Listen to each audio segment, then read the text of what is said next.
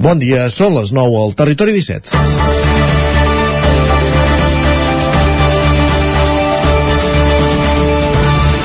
Va ser una de les cares noves de la llista de Convergència i Unió que encapçalava Josep Maria Vila de Badal l'any 2007, després de la renúncia de Jacint Codina, continuant una alcaldia que havia ocupat durant 12 anys.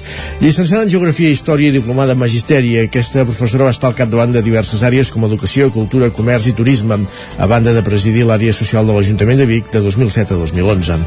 Després del pols entre Unió i Convergència, Anna R va ser escollida candidata a l'alcaldia l'any 2015, aconseguint un regidor més que l'anterior mandat i quatre anys més tard era la la protagonista de l'actual majoria absoluta, que pocs imaginaven. Ahir, R assegurava que, tal com va dir a l'inici, mai s'ha plantejat estar més de 8 anys a l'alcaldia i que els dos mandats en realitat són les dues parts d'un partit de bàsquet, el seu esport, i que els partits acaben i el seu acabarà d'aquí un any, amb la fi del mandat. De vegades hi ha pròrrogues, també és cert, però no serà el cas. Anna R no repetirà com a candidata a l'alcaldia de Vic. Ho va anunciar ahir just després del Congrés de Junts Argelers, on va ser la segona persona més votada de la nova direcció després de Jordi Turull. Aquest darrer mandat havia de ser el més còmode de tots, però la pandèmia ho va paralitzar tot. Un dels grans projectes dels últims anys, la construcció de la nova biblioteca, és gairebé una realitat i s'inaugurarà el proper mes d'octubre. S'han iniciat també les obres a les oberies i s'han pres mesures per restringir els vehicles al centre de la ciutat. R és el tercer alcalde que anuncia que no concorrerà a la reelecció en les darreres setmanes després de Josep Marí Mayoral a Granollers i Josep Monràs a Mollet, tot i que en el seu cas feia més anys que estaven al capdavant de l'Ajuntament i ja han deixat el consistori per tal que els seus successors encarin l'últim any de mandat. La carrera d'Anna R té similituds amb la de l'alcaldessa de Girona, Marta Madrenes, que com ella també anunciava que no optaria a la reelecció. Ara caldrà veure d'una banda qui escull l'Assemblea de Junts de Vic per substituir-la com a cap de llista i de l'altra cap on evoluciona la seva carrera política. És dimecres, 8 de juny de 2022. Comença el Territori 17 a la sintonia d'Ona Codinenca, Ràdio Cardedeu, La Veu de Sant Joan, Ràdio Vic, el 9 FM i el 9 TV. Territori 17, amb Isaac Moreno i Jordi Sunyer.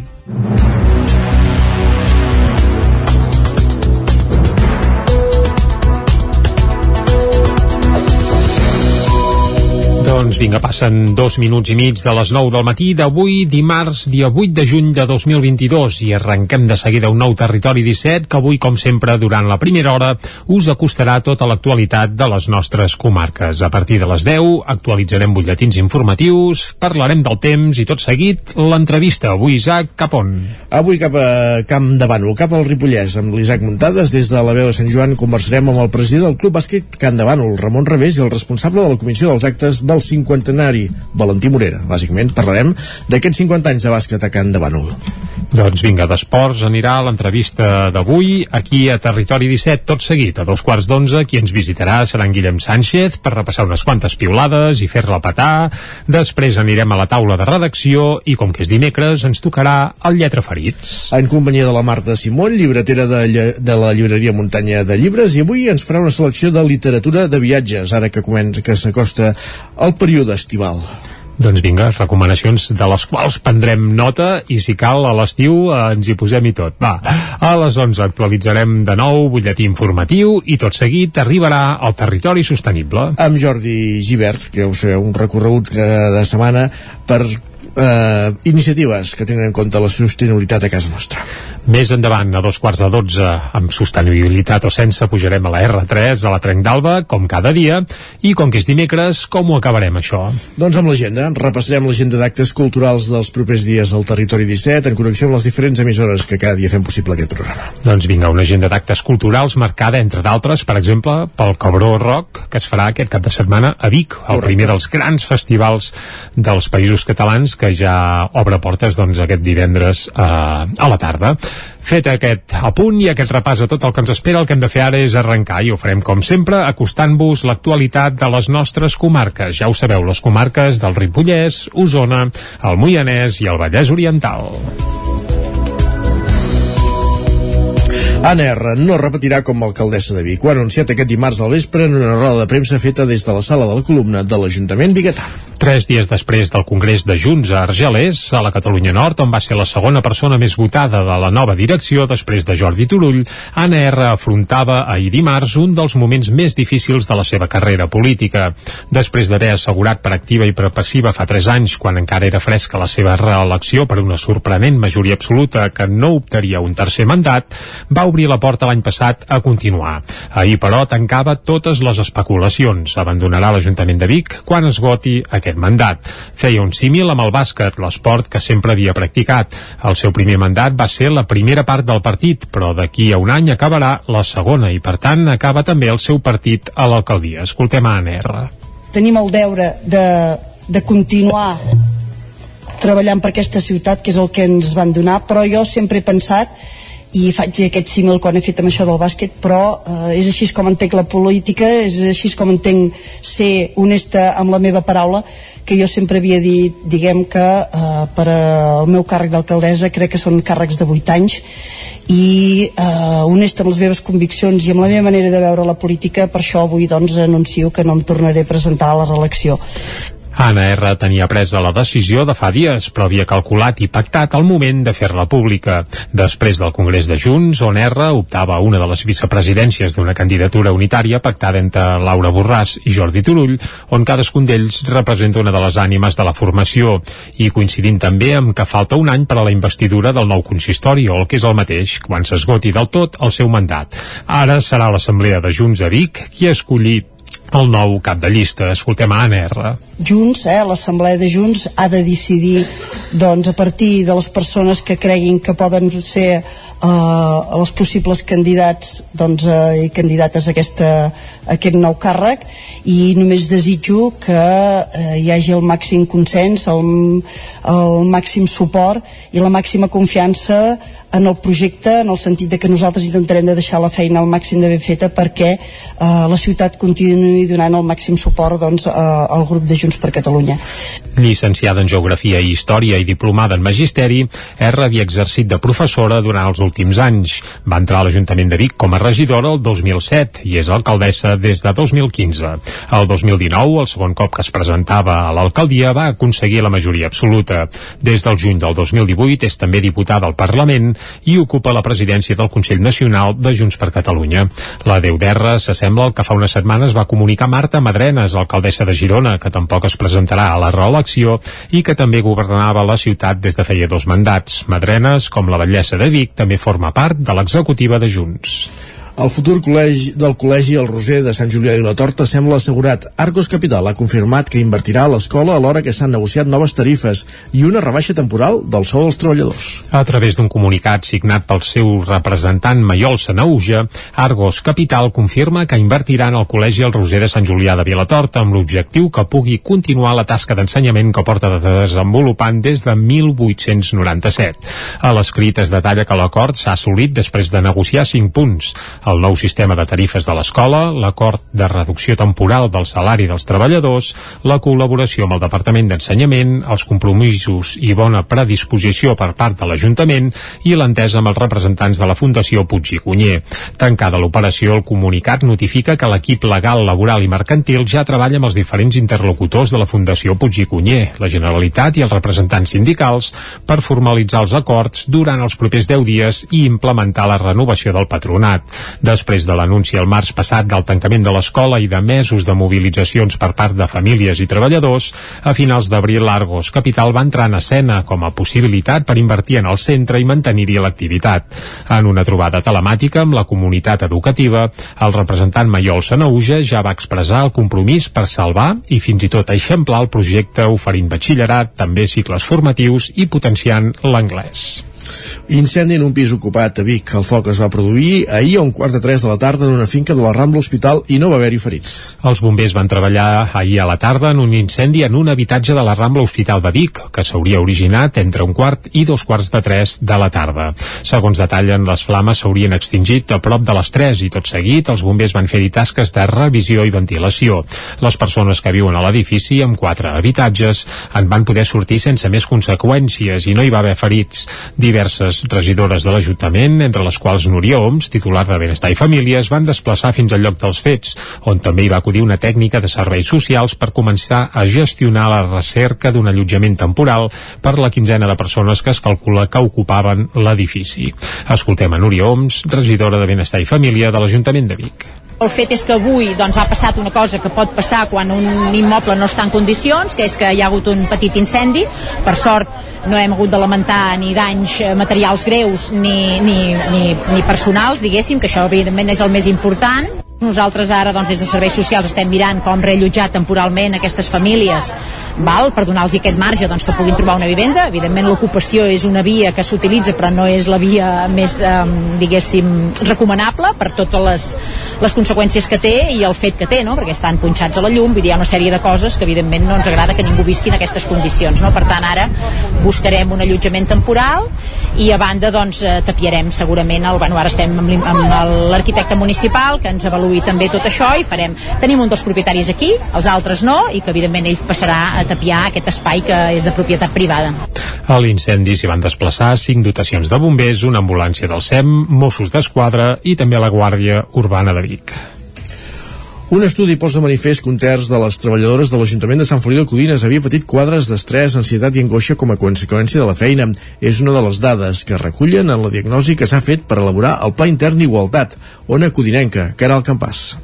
Sant Feliu de Codines va aprovar per unanimitat el Pla Intern d'Igualtat de l'Ajuntament en el ple de dijous passat. L'estudi previ que s'ha fet per elaborar aquest pla intern a partir d'enquestes amb els treballadors posa de manifest que una de cada tres dones encastades ha patit alguna sintomatologia a causa de la feina, manifestada a través de quadres d'estrès, ansietat i angoixa. En el cas dels homes, un 13% també declaren haver-ne patit. La diagnosi també recull que la meitat de les dones encastades, així com un terç dels homes homes encastats afirmen que es produeixen comentaris sexistes alguna vegada o sovint.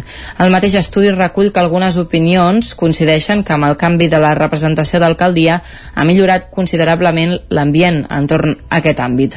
Escoltem per aquest ordre Pol Cabotí de Primàries Codines, la regidora d'Igualtat Esther Paracolls de Junts, el portaveu d'Esquerra Pau Ibars i l'alcaldessa Mercè Serratacó. Creiem que és molt necessari i, i necessari ara i era necessari segurament des de fa molt temps.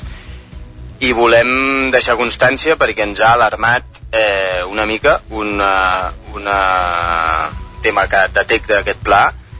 Eh, hi ha afirmacions que es produeixen puntualment comentaris sexistes alguna vegada sovint i, i, i, el que, i el que ens ha alarmat d'alguna forma és el comentari a continuació que diu algunes opinions coincideixen que amb el canvi de, represent, de la representació d'alcaldia ha millorat considerablement l'ambient entorn a aquest àmbit ens ha alarmat al mateix moment que també volem fer com un reconeixement i un, i un, i un agraïment a que aquesta dinàmica eh, hagi canviat. Pla s'ha elaborat a partir d'enquestes amb els treballadors, treballadores, per tant, l'opinió de tots és el que es queda reflectit al pla.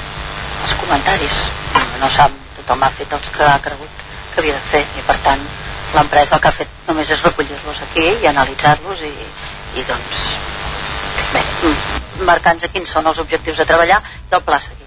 Al final aquest pla només reflexa el que també s'havia discutit en aquesta, en aquesta sala de plens amb comentaris totalment despectius cap a opinions sexuals dels membres electes vull dir que més enllà d'això què vols que surti?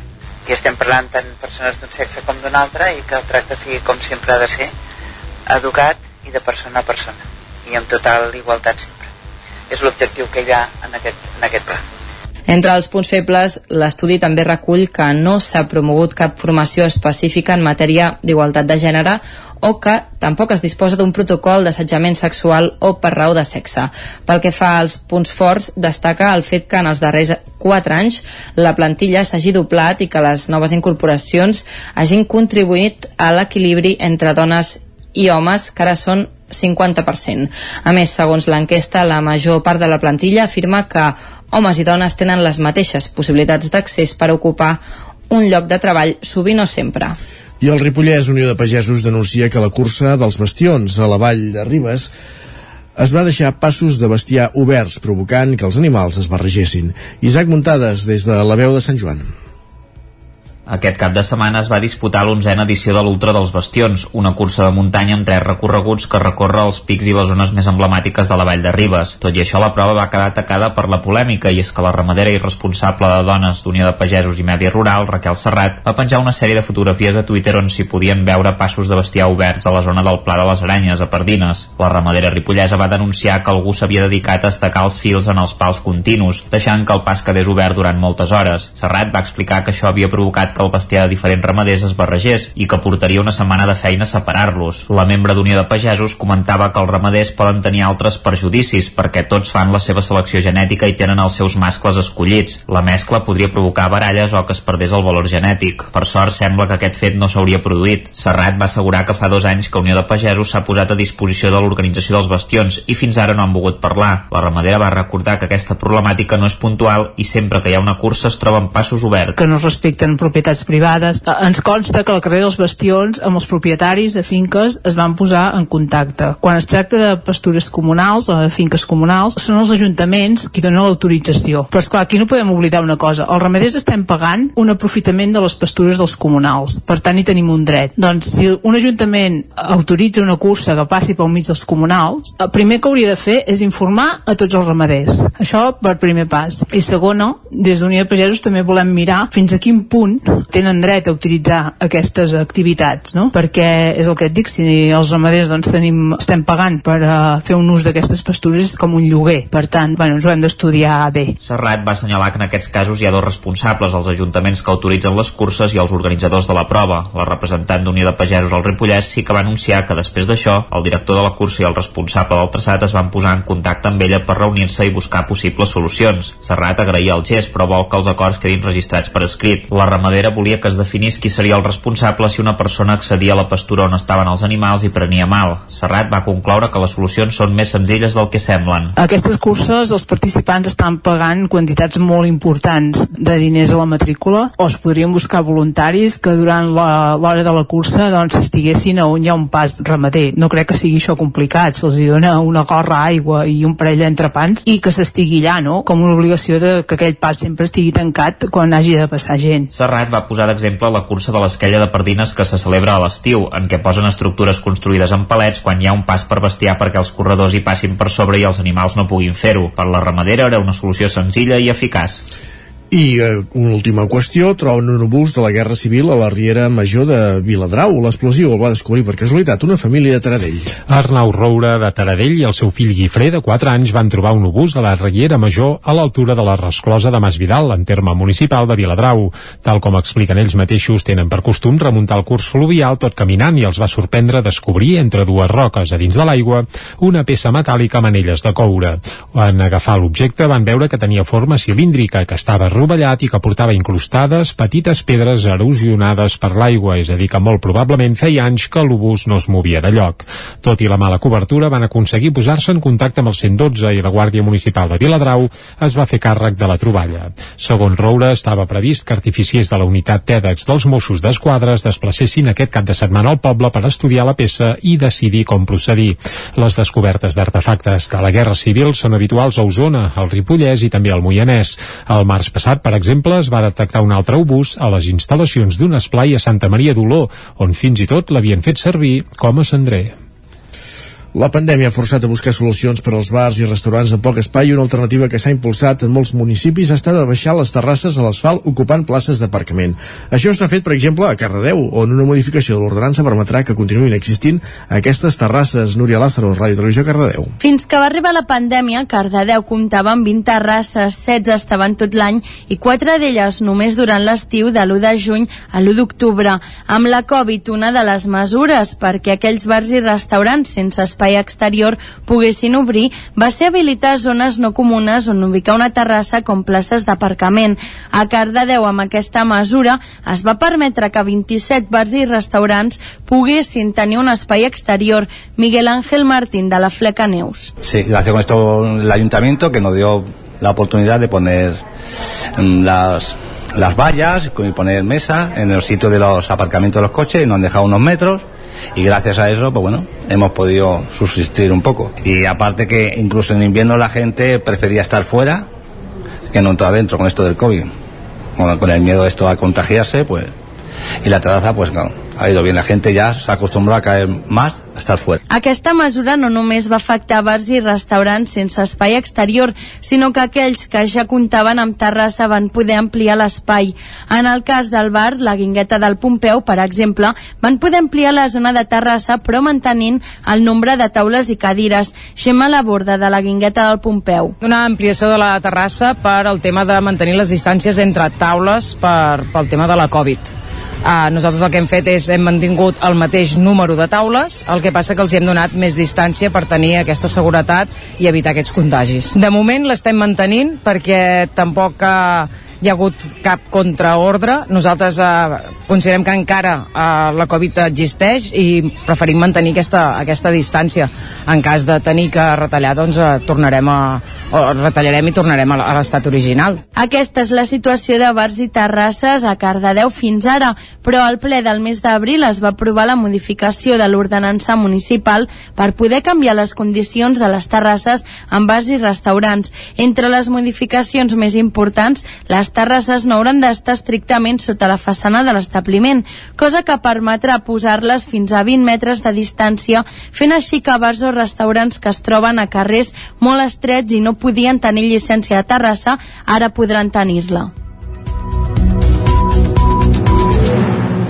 Gràcies, Núria, amb aquesta crònica de la Núria Lázaro des de Cardedeu. Anem cap a conèixer la previsió meteorològica.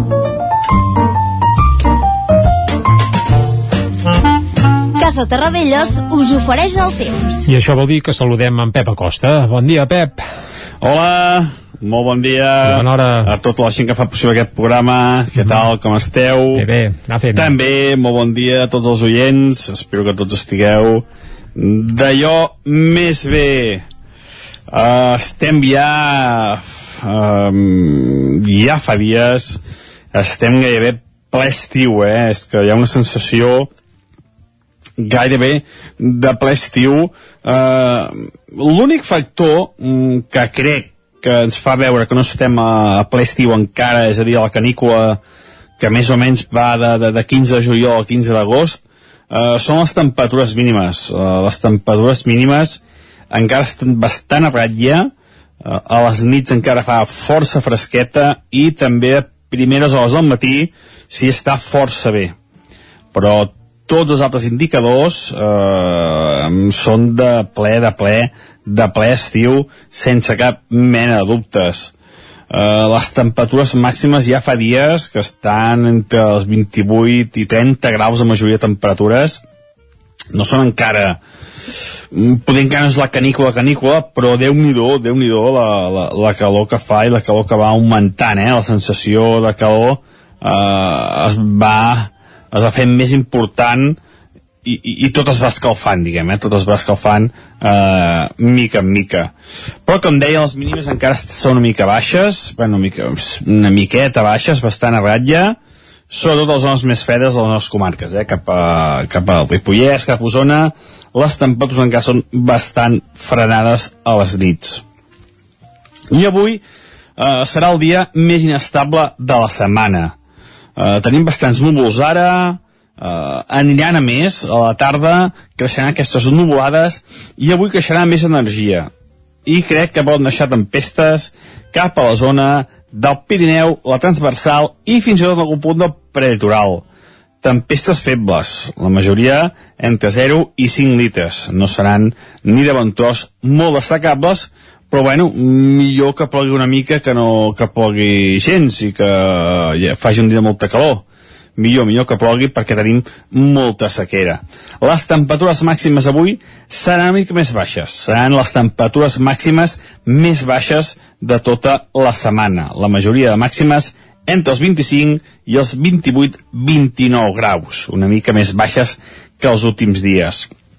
Vents de direcció variable i poques novetats més. Eh, L'anticicló es anirà acostant els pròxims dies i de cara al cap de setmana sóc bastant pessimista perquè amb, amb la calor que fa amb, amb, amb aquesta calor de fa dies que, està, que, que ja tenim aquí amb la sequera que tenim el cap de setmana es preveu una pujada notable de temperatures. Per tant, molta precaució aquest cap de setmana perquè pel bosc i tot això i tot, i serà complicat, eh? Pels incendis serà molt complicat aquest de setmana perquè s'espera una pujada important de les temperatures. Ho anirem veient, però pinta, pinta bastant malament.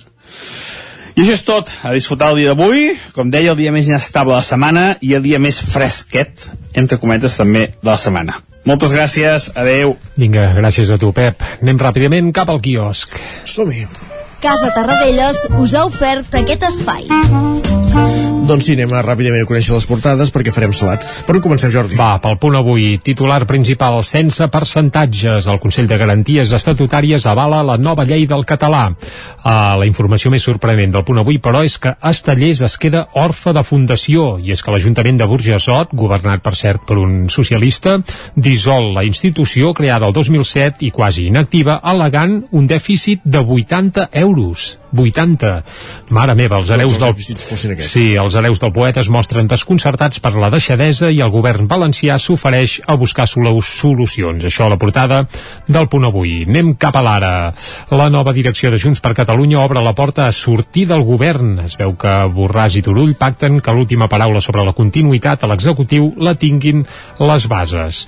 La fotografia sense aigua pels pesticides i és que hi ha uns quants pobles, sobretot de les Terres de Lleida, que no tenen aigua potable per culpa dels pesticides als camps. A l'avantguàrdia, Johnson intenta reprendre la iniciativa reobrint la guerra amb la Unió Europea. Això apunten a l'avantguàrdia. El periòdico. Espanya fa el primer pas cap a l'abolició de la prostitució. I també a Piqué, un mal de cap per al Barça de la nova era. Això apunten al periòdico que sembla que ja el volen al carrer. Més coses, anem cap a les portades d'àmbit eh, estatal que s'ha dit en a Madrid. El País, Robles demana 3.000 milions extras per reforçar la defensa. L'exèrcit mai en té prou. Mai. A El Mundo, Hisenda investiga l'emèrit per rebre caceres com a regal. Alerta. Alerta, exacte. El que, per cert, havia de tornar aquest cap de setmana i es veu que al final no tornarà, eh? que no sigui per això. La Razón, la Moncloa ordena anar darrere de Feijó per frenar la caiguda a Andalusia també déu nhi amb aquest titular i acabem fent un cop d'ull a l'ABC on titulen Feijó ja fa nosa a Sánchez i es veu una fotografia d'ahir al Senat espanyol on van coincidir tots dos, en teoria amb un to força afable, però vaja a l'ABC ja intueixen que Feijó és massa bo i fa ombra a Pedro Sánchez De fet, el van fer senador per poder tenir debat preelectoral. Fem una pausa i tornem. El nou FM, la ràdio de casa, al 92.8. Cobertes serveis funeraris. Els nostres tanatoris estan ubicats en els nuclis urbans més poblats de la comarca d'Osona per oferir un millor servei. Tanatori de Vic, Tanatori de Manlleu, Tanatori de Centelles i Tanatori de Roda de Ter. Sabem que són moments difícils i per això el nostre compromís és atendre-us en tot moment amb un tracte humà, sensible i respectuós. Cobertes serveis funeraris. Telèfon 24 hores 93 883 23 46. Informa't dels graus i cicles formatius de grau superior de la UBIC. Demana'ns una sessió personalitzada presencial o virtual. Orientadors, professorat i estudiants t'ajudarem a resoldre tots els teus dubtes. Escriu-nos a ubic.cat barra info barra atenció personalitzada. Universitat de Vic, Universitat Central de Catalunya. Del 15 al 19 de juny, Festa Major de Sant Quirze de Besora. Ballada de sardanes amb la Cobla Ciutat de Girona. Habaneres amb els americanos. Espectacle de teatre sobre rodes. Tarda d'humor amb Improshow. Carpa jove amb DJ Capde. I fi de festa amb Castell de Focs. Més informació a jsantquirze.cat.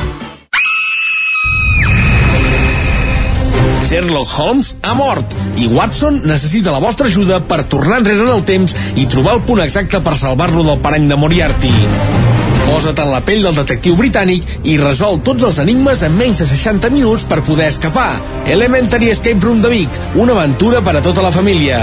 Fes la teva reserva per WhatsApp amb el codi La Ràdio de Sherlock i aconseguiràs un 10% de descompte.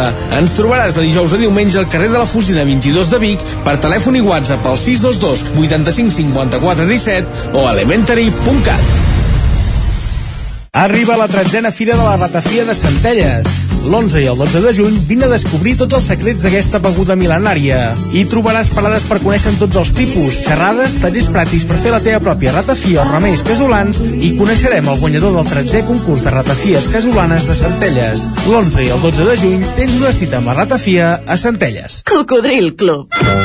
Si t'agrada la bona música dels anys 60, 70 i 80, escolta el 9 FM als matins de dissabtes i diumenges d'11 a 1. És el temps del Cocodril Club, tot un clàssic de la ràdio, amb les bases del pop-rock, les llegendes, les cançons que s'han convertit en autèntics himnes. Recorda, dissabtes i diumenges al matí, d'11 a 1, al 9 FM 92.8. Cocodril Club, el programa revival de l'Albert Malla. Hasta luego, cocodrilo. Anuncia't al 9FM. La màquina de casa. 9 3 8 8 9 4 9 4 9. Publicitat arroba al 9FM.cat. Anuncia't al 9FM. La publicitat més eficaç. En punt, dos quarts de 10 al territori 17. Territori 17, amb Isaac Moreno i Jordi Sunyer.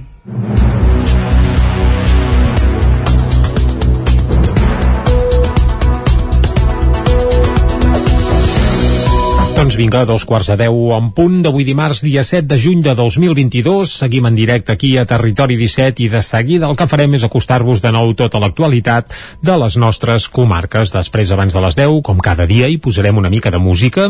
Avui tenim una estrena mundial, eh? Uh, Alerta, alerta. Sí, sí, sí, un músic de Taradell, Dami Álvarez, que de tant en tant va publicant singles així en videoclips, a més, que es fa ell mateix, i avui n'estrena un. És una cançó espectacular. La veritat és que val molt i molt la pena i si no et diuen que és de Taradell sembla que sigui, què sé jo, de... Sí, cola com a Yankee, directament. L'escoltarem una mica abans de les 10, va. Tot seguit, a les 10 actualitzarem de nou butlletins informatius i arribarà el moment de l'entrevista que avui anirà de bàsquet, oi, Isaac? I del Ripollès, perquè Can de Bànol, el Club Bàsquet Can de Bànol celebra 50 anys i parlarem amb l'Isaac Muntades des de la veu de Sant Joan amb el president del Club Bàsquet Can de Bànol, Ramon Revés, i el responsable de la comissió dels actes del cinquantenari, Valentí Morera. Això ho farem al moment de l'entrevista. Tot seguit, a dos quarts d'onze, passarem per les piulades amb Guillem Sánchez. Tot seguit anirem a la taula de redacció i després, tots els dimecres, ens toca parlar de literatura. El Lletra Ferits, avui en companyia de la Marta Simón, de la llibreria Muntanya de Llibres de Vic, per parlar de literatura de viatges. Ens farà algunes recomanacions per aquest estiu. Doncs en prendrem nota, va. Tot seguit, a les 11 anirem d'excursió, que no de viatge, perquè encara no serem ben bé a l'estiu, cap a repassar i actualitzar el butlletí informatiu, i després arribarà el moment del territori sostenible. Amb en Jordi Givert, avui parlant de xai, de xai ecològic, des de, des d'Ona Codinenca. Doncs segur que se'ns farà la boca aigua perquè ja ens acostarem cap al migdia i a dos quarts de 12, per exemple, el que farem com cada dia és pujar a la R3, a la Trenc d'Alba. I per acabar, què fem els dimecres? Agenda. Mm, Coneixerem els, actes, els principals actes culturals, espectacles, concerts programats per als propers dies a les diferents comarques del territori 17 en connexió amb les diferents emissores que dia a dia fan possible aquest programa. I deixa'm avançar que un dels protagonistes d'aquest cap de setmana Cabra, cabra, serà cabra. el cabró rock, no el xai ecològic, sinó la cabra ecològica, però no la de menjar, sinó la d'engolir eh, pels cinc sentits,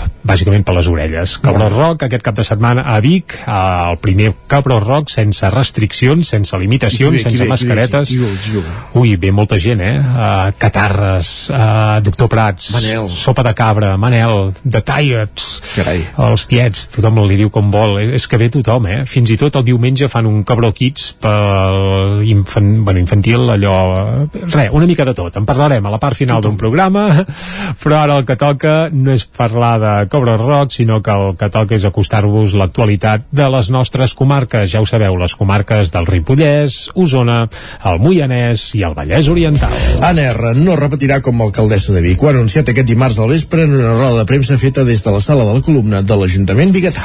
Tres dies després del Congrés de Junts a Argelers, a la Catalunya Nord, on va ser la segona persona més votada de la nova direcció després de Jordi Turull, Anna R afrontava ahir dimarts un dels moments més difícils de la seva carrera política. Després d'haver assegurat per activa i per passiva fa tres anys, quan encara era fresca la seva reelecció per una sorprenent majoria absoluta que no optaria un tercer mandat, va obrir la porta l'any passat a continuar. Ahir, però, tancava totes les especulacions. Abandonarà l'Ajuntament de Vic quan esgoti aquest mandat. Feia un símil amb el bàsquet, l'esport que sempre havia practicat.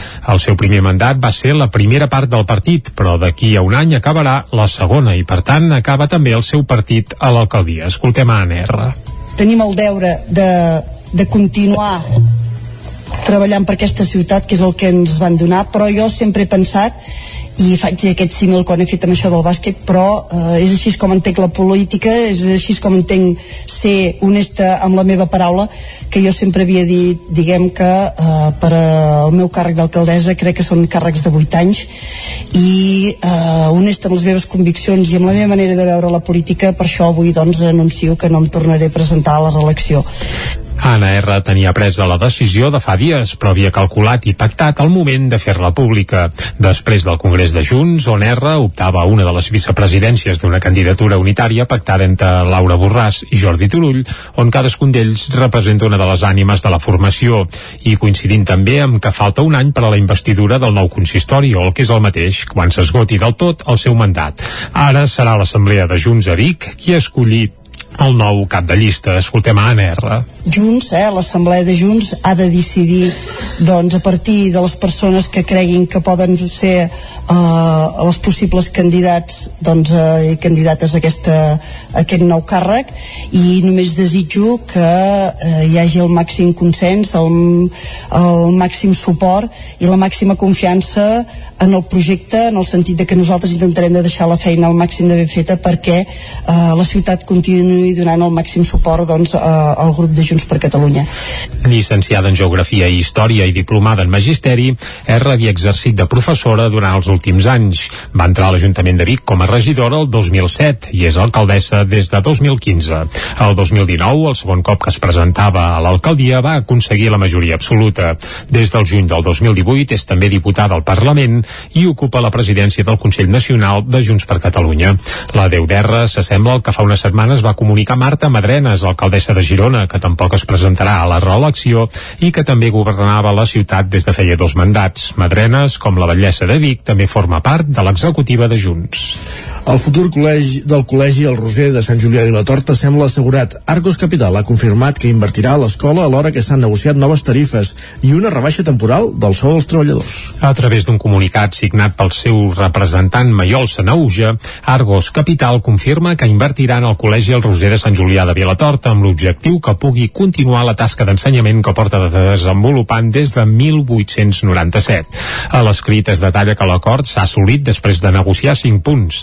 El nou sistema de tarifes de l'escola, l'acord de reducció temporal del salari dels treballadors, la col·laboració amb el Departament d'Ensenyament, els compromisos i bona predisposició per part de l'Ajuntament i l'entesa amb els representants de la Fundació Puig i Cunyer.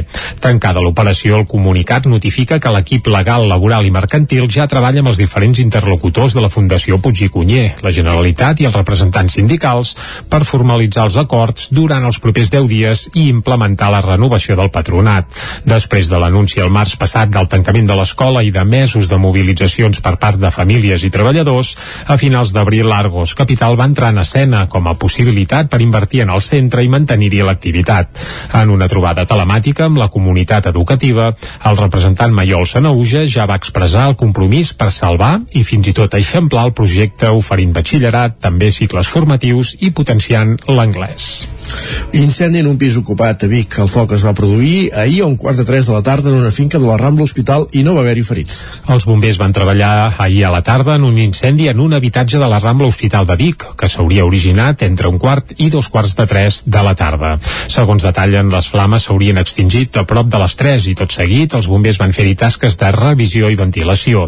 Les persones que viuen a l'edifici, amb quatre habitatges, en van poder sortir sense més conseqüències i no hi va haver ferits. Diverses regidores de l'Ajuntament, entre les quals Núria Oms, titular de Benestar i Famílies, van desplaçar fins al lloc dels fets, on també hi va acudir una tècnica de serveis socials per començar a gestionar la recerca d'un allotjament temporal per la quinzena de persones que es calcula que ocupaven l'edifici. Escoltem a Núria Oms, regidora de Benestar i Família de l'Ajuntament de Vic. El fet és que avui doncs, ha passat una cosa que pot passar quan un immoble no està en condicions, que és que hi ha hagut un petit incendi. Per sort no hem hagut de lamentar ni danys eh, materials greus ni, ni, ni, ni personals, diguéssim, que això evidentment és el més important Nosaltres ara, doncs, des de Serveis Socials estem mirant com reallotjar temporalment aquestes famílies val? per donar-los aquest marge doncs, que puguin trobar una vivenda. Evidentment l'ocupació és una via que s'utilitza però no és la via més, eh, diguéssim, recomanable per totes les, les conseqüències que té i el fet que té, no? perquè estan punxats a la llum, hi ha una sèrie de coses que evidentment no ens agrada que ningú visqui en aquestes condicions. No? Per tant, ara buscarem un allotjament temporal i a banda doncs, eh, tapiarem segurament, el, bueno, ara estem amb, l'arquitecte municipal que ens avaluï també tot això i farem, tenim un dels propietaris aquí, els altres no, i que evidentment ell passarà a tapiar aquest espai que és de propietat privada. A l'incendi s'hi van desplaçar cinc dotacions de bombers, una ambulància del SEM, Mossos d'Esquadra i també la Guàrdia Urbana de Vic. Un estudi posa de manifest que un terç de les treballadores de l'Ajuntament de Sant Feliu de Codines havia patit quadres d'estrès, ansietat i angoixa com a conseqüència de la feina. És una de les dades que recullen en la diagnosi que s'ha fet per elaborar el Pla Intern d'Igualtat, Ona Codinenca, Caral Campàs. Sant Feliu de Codines va aprovar per unanimitat el Pla Intern d'Igualtat de l'Ajuntament en el ple de dijous passat. L'estudi previ que s'ha fet per elaborar aquest pla intern a partir d'enquestes amb els treballadors posa de manifest que una de cada tres dones encastades ha patit alguna sintomatologia a causa de la feina, manifestada a través de quadres d'estrès, ansietat i angoixa. En el cas dels homes, un 13% també declaren haver-ne patit. La diagnosi també recull que la meitat de les dones encastades, així com un terç dels homes encastats, afirmen que es produeixen comentaris sexistes alguna vegada o sovint. El mateix estudi recull que algunes opinions coincideixen que amb el canvi de la representació d'alcaldia ha millorat considerablement l'ambient entorn a aquest àmbit. Escoltem per aquest ordre Pol Cabotí de Primàries Codines, la regidora d'Igualtat Esther Paracolls de Junts, el portaveu d'Esquerra Pau Ibars i l'alcaldessa Mercè Serratacó. creiem que és molt necessari i, i necessari ara i era necessari segurament des de fa molt temps i volem deixar constància perquè ens ha alarmat eh, una mica una, una tema que detecta aquest pla eh, hi ha afirmacions que es produeixen puntualment comentaris sexistes alguna vegada sovint i, i, i, el que, i el que ens ha alarmat d'alguna forma és el comentari a continuació que diu algunes opinions coincideixen que amb el canvi de, represent, de la representació d'alcaldia ha millorat considerablement l'ambient entorn a aquest àmbit.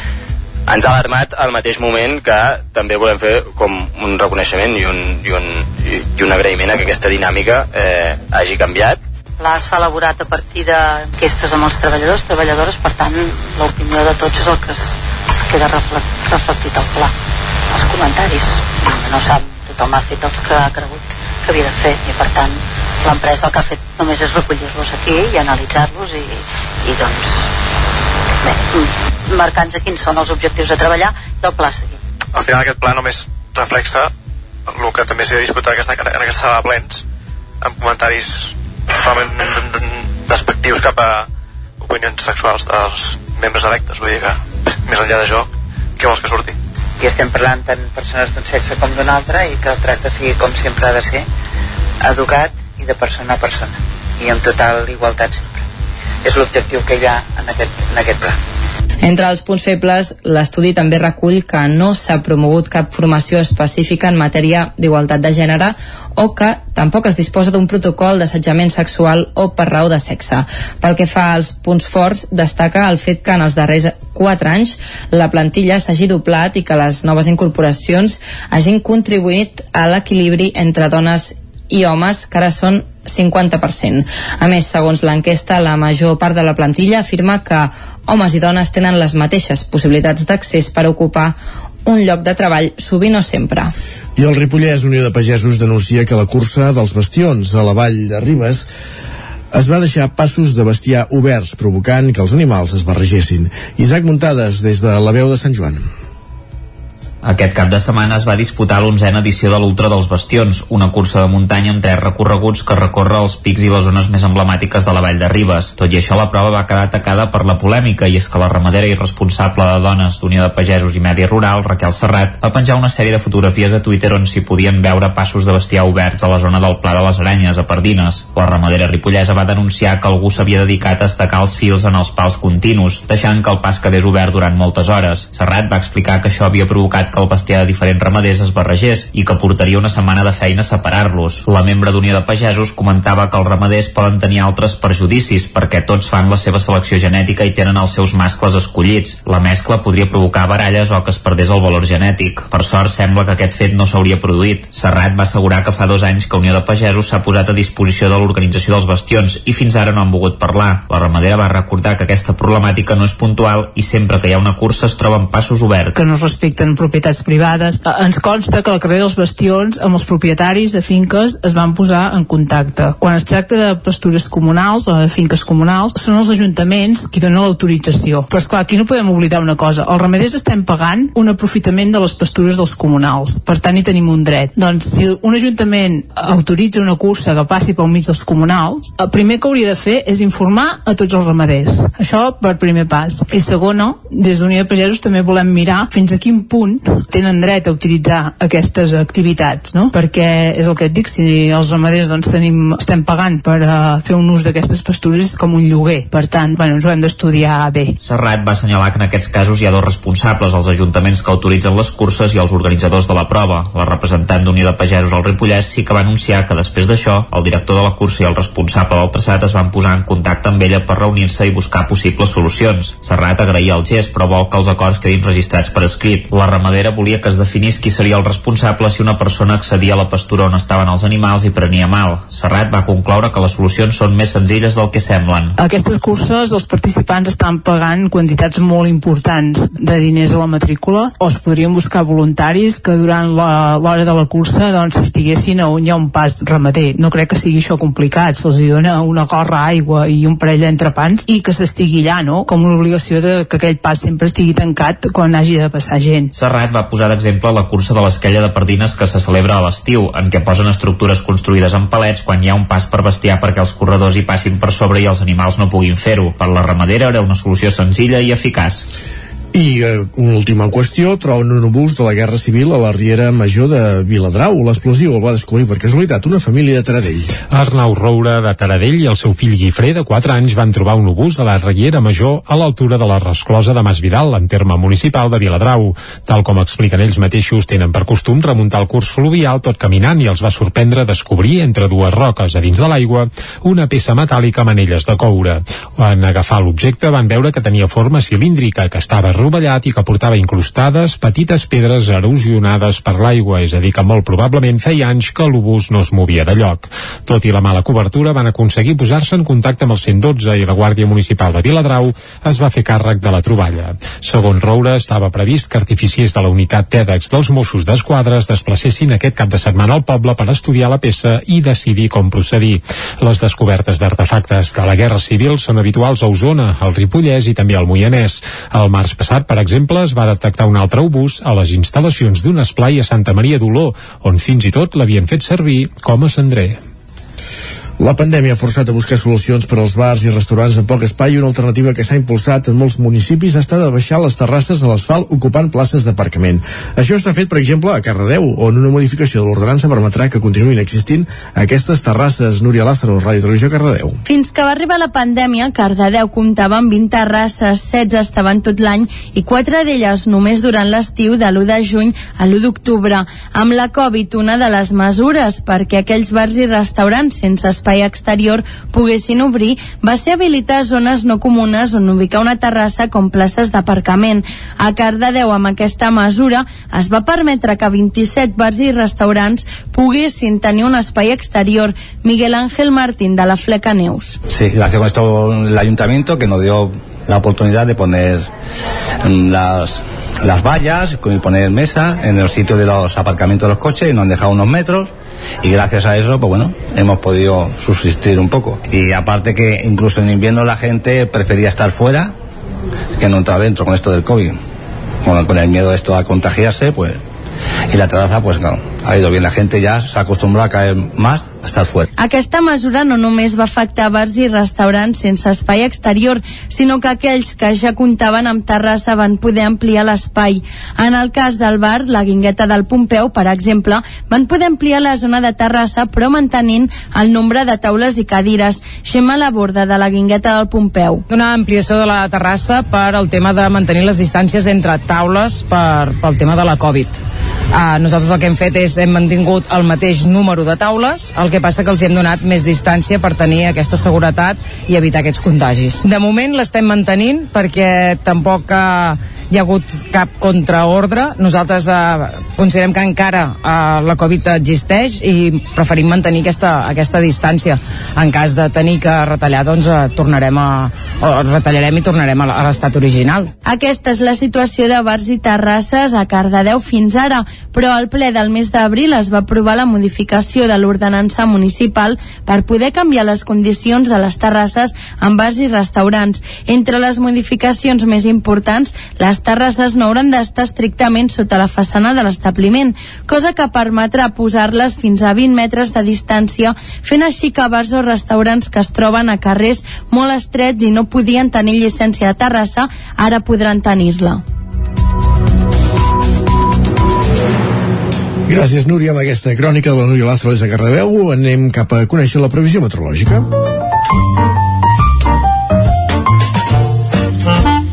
Casa Terradellos us ofereix el temps. I això vol dir que saludem en Pep Acosta. Bon dia, Pep. Hola, molt bon dia Bona hora. a tota la gent que fa possible aquest programa. Què tal, com esteu? Bé, bé, anar fent. També, molt bon dia a tots els oients. Espero que tots estigueu d'allò més bé. Uh, estem ja... Um, ja fa dies estem gairebé ple estiu, eh? És que hi ha una sensació gairebé de ple estiu. Uh, L'únic factor mm, que crec que ens fa veure que no estem a, a ple estiu encara, és a dir, a la canícula que més o menys va de, de, de 15 de juliol a 15 d'agost, uh, són les temperatures mínimes. Uh, les temperatures mínimes encara estan bastant a ratlla, uh, a les nits encara fa força fresqueta i també a primeres hores del matí s'hi està força bé. Però tots els altres indicadors eh, són de ple, de ple, de ple estiu, sense cap mena de dubtes. Eh, les temperatures màximes ja fa dies que estan entre els 28 i 30 graus de majoria de temperatures, no són encara mm, poder encara és la canícula canícula però déu nhi déu la, la, la calor que fa i la calor que va augmentant eh? la sensació de calor eh, es va es va fent més important i, i, i tot es va escalfant, diguem, eh? tot es va escalfant eh, mica en mica. Però, com deia, les mínimes encara són una mica baixes, bueno, una, mica, una miqueta baixes, bastant a ratlla, sobretot les zones més fredes de les nostres comarques, eh? cap, a, cap al Ripollès, cap a Osona, les temperatures encara són bastant frenades a les nits. I avui eh, serà el dia més inestable de la setmana. Eh, tenim bastants núvols ara, eh, aniran a més, a la tarda creixeran aquestes nuvolades i avui creixerà més energia. I crec que poden deixar tempestes cap a la zona del Pirineu, la transversal i fins i tot algun punt del prelitoral. Tempestes febles, la majoria entre 0 i 5 litres. No seran ni de tros molt destacables, però bueno, millor que plogui una mica que no que plogui gens i que ja faci un dia de molta calor millor, millor que plogui perquè tenim molta sequera. Les temperatures màximes avui seran una mica més baixes. Seran les temperatures màximes més baixes de tota la setmana. La majoria de màximes entre els 25 i els 28-29 graus, una mica més baixes que els últims dies. Vents de direcció variable i poques novetats més. Eh, L'anticicló es anirà acostant els pròxims dies i de cara al cap de setmana sóc bastant pessimista perquè amb, amb la calor que fa amb, amb, amb aquesta calor de fa dies que, està, que, que ja tenim aquí amb la sequera que tenim al cap de setmana es una pujada notable de temperatures. Per tant, molta precaució aquest cap de setmana perquè pel bosc i tot això i tot, i serà complicat, eh? pels incendis serà molt complicat aquest de setmana perquè s'espera una pujada important de les temperatures. Ho anirem veient, però pinta, pinta bastant malament. I això és tot. A disfrutar el dia d'avui. Com deia, el dia més inestable de la setmana i el dia més fresquet, entre cometes, també de la setmana. Moltes gràcies, adeu. Vinga, gràcies a tu, Pep. Anem ràpidament cap al quiosc. Som-hi. Casa Tarradellas us ha ofert aquest espai. Doncs sí, anem a ràpidament a conèixer les portades perquè farem salat. Per on comencem, Jordi? Va, pel punt avui, titular principal, sense percentatges. El Consell de Garanties Estatutàries avala la nova llei del català. Uh, la informació més sorprenent del punt avui, però, és que Estellers es queda orfe de fundació, i és que l'Ajuntament de Burgesot, governat, per cert, per un socialista, dissol la institució creada el 2007 i quasi inactiva, al·legant un dèficit de 80 euros. 80. Mare meva, els hereus del... Sí, els hereus del poeta es mostren desconcertats per la deixadesa i el govern valencià s'ofereix a buscar solu solucions. Això a la portada del punt avui. Anem cap a l'ara. La nova direcció de Junts per Catalunya obre la porta a sortir del govern. Es veu que Borràs i Turull pacten que l'última paraula sobre la continuïtat a l'executiu la tinguin les bases. La fotografia sense aigua pels pesticides i és que hi ha uns quants pobles, sobretot de les Terres de Lleida, que no tenen aigua potable per culpa dels pesticides als camps. A la Vanguardia, Johnson intenta reprendre la iniciativa reobrint la guerra amb la Unió Europea. Això apunten a la Vanguardia. El periòdico. Espanya fa el primer pas cap a l'abolició de la prostitució. I també a Piqué, un mal de cap per al Barça de la nova era. Això apunten al periòdico que sembla que ja el volen al carrer. Més coses, anem cap a les portades d'àmbit eh, estatal que s'ha dit a Madrid. El País, Robles demana 3.000 milions extras per reforçar la defensa. L'exèrcit mai en té prou. Mai. El Mundo, Hisenda investiga l'emèrit per rebre caceres com a regal. Alerta. Alerta, exacte. El que, per cert, havia de tornar aquest cap de setmana i es veu que al final no tornarà, eh? que no sigui per això. La Razón, la Moncloa ordena anar darrere de Feijó per frenar la caiguda a Andalusia també déu nhi amb aquest titular i acabem fent un cop d'ull a l'ABC on titulen Feijó ja fa nosa a Sánchez. I es veu una fotografia d'ahir el Senat espanyol en van coincidir tots dos en teoria amb un to força afable però vaja, a l'ABC ja intueixen que Feijó és massa bo i fa ombra a Pedro Sánchez. Ai, Ves per on, tot això a les portades de la premsa d'avui, però ara el que farem és abandonar portades i anar per coses més interessants, com per exemple temes musicals. Cada dia fins a arribar, eh, abans d'arribar volem dir al punt de les 10, eh, punxem alguna cançó aquí a Territori 17 i avui anem d'estrenes, com fem sovint. I què estrenarem? Doncs estrenarem el més nou de Dami Álvarez. Dami Álvarez és un jove de Taradell eh, que ve a especialista en anar penjant a internet singles eh, que són una autèntica bomba. Va començar sobretot fent versions, però ja fa un cert temps que també es dedica a penjar temes propis, tant en català com en anglès. El que escoltarem avui eh, és una peça en anglès, es diu A Simple Wall, Uh, i la veritat és que és un autèntic luxe si podeu veure el videoclip uh, gaudiu-ne perquè hi apareix Uh, molta gent vinculada, bé, bàsicament vinculada al seu pare. No sé si alguns dels més veterans recordeu un grup que es deia Parking, un grup que va tenir cert ressò a finals dels anys 90, doncs el guitarrista de Parking és Oje Álvarez, pare de Dami Álvarez. I el videoclip que s'ha fet d'aquesta peça, doncs també hi apareixen altres ex-Parkings. Per exemple, el cantant Joan Josep Ramos, Josep Joan Ramos, volem dir, hi apareix, també hi apareix el baixista Sergi Gutiérrez, la veritat és que hi apareix gaire gairebé tothom i fa molt de goig. Ara sí que no ens enrotllem gaire més i us deixem amb aquesta peça sencera de cap a peus, el més nou de Dami Álvarez, a Simple World. Sona així. Rain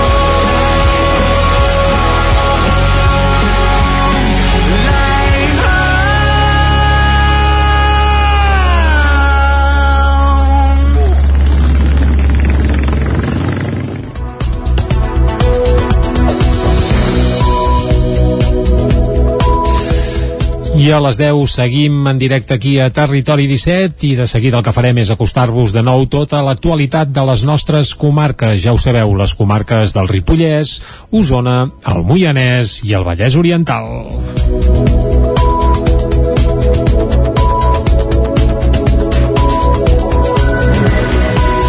I comencem explicant que el sindicat USTEC Estès, el més important en l'àmbit de l'ensenyament a Catalunya, anuncia més protestes de cara a l'inici del curs 2022-2023 si no s'acosten posicions amb el Departament d'Educació. A hores d'ara, després de les jornades de vaga del mes de març i amb les noves convocatòries d'aturada al final del curs actual, hi ha un procés obert de mediació.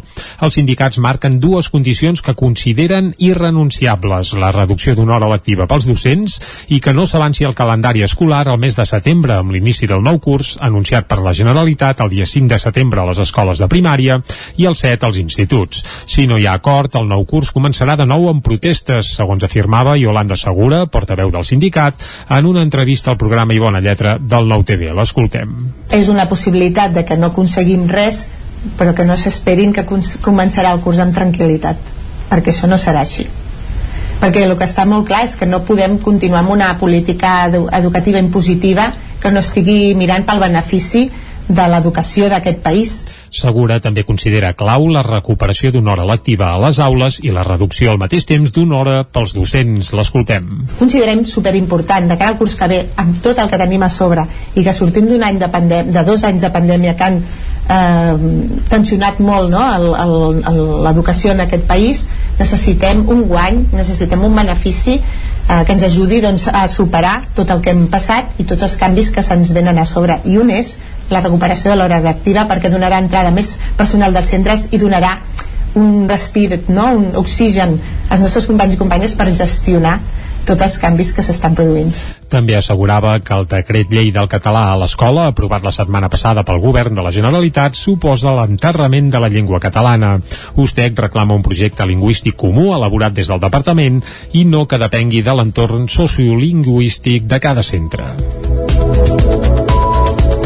I anem ara cap a Sant Feliu de Codines i és que Marc Barrubés serà el nou regidor de primàries Codines. Ona Codinenca, Caral Campàs. Marc Barrubés de primàries Codines va prendre possessió del càrrec de regidor en el ple de maig en substitució de Glòria Sacases, que va renunciar a l'acte de regidora en la darrera sessió per motius professionals. Barrubés ocupava el número 8 de la llista de primàries Codines que es va presentar a les eleccions de 2019.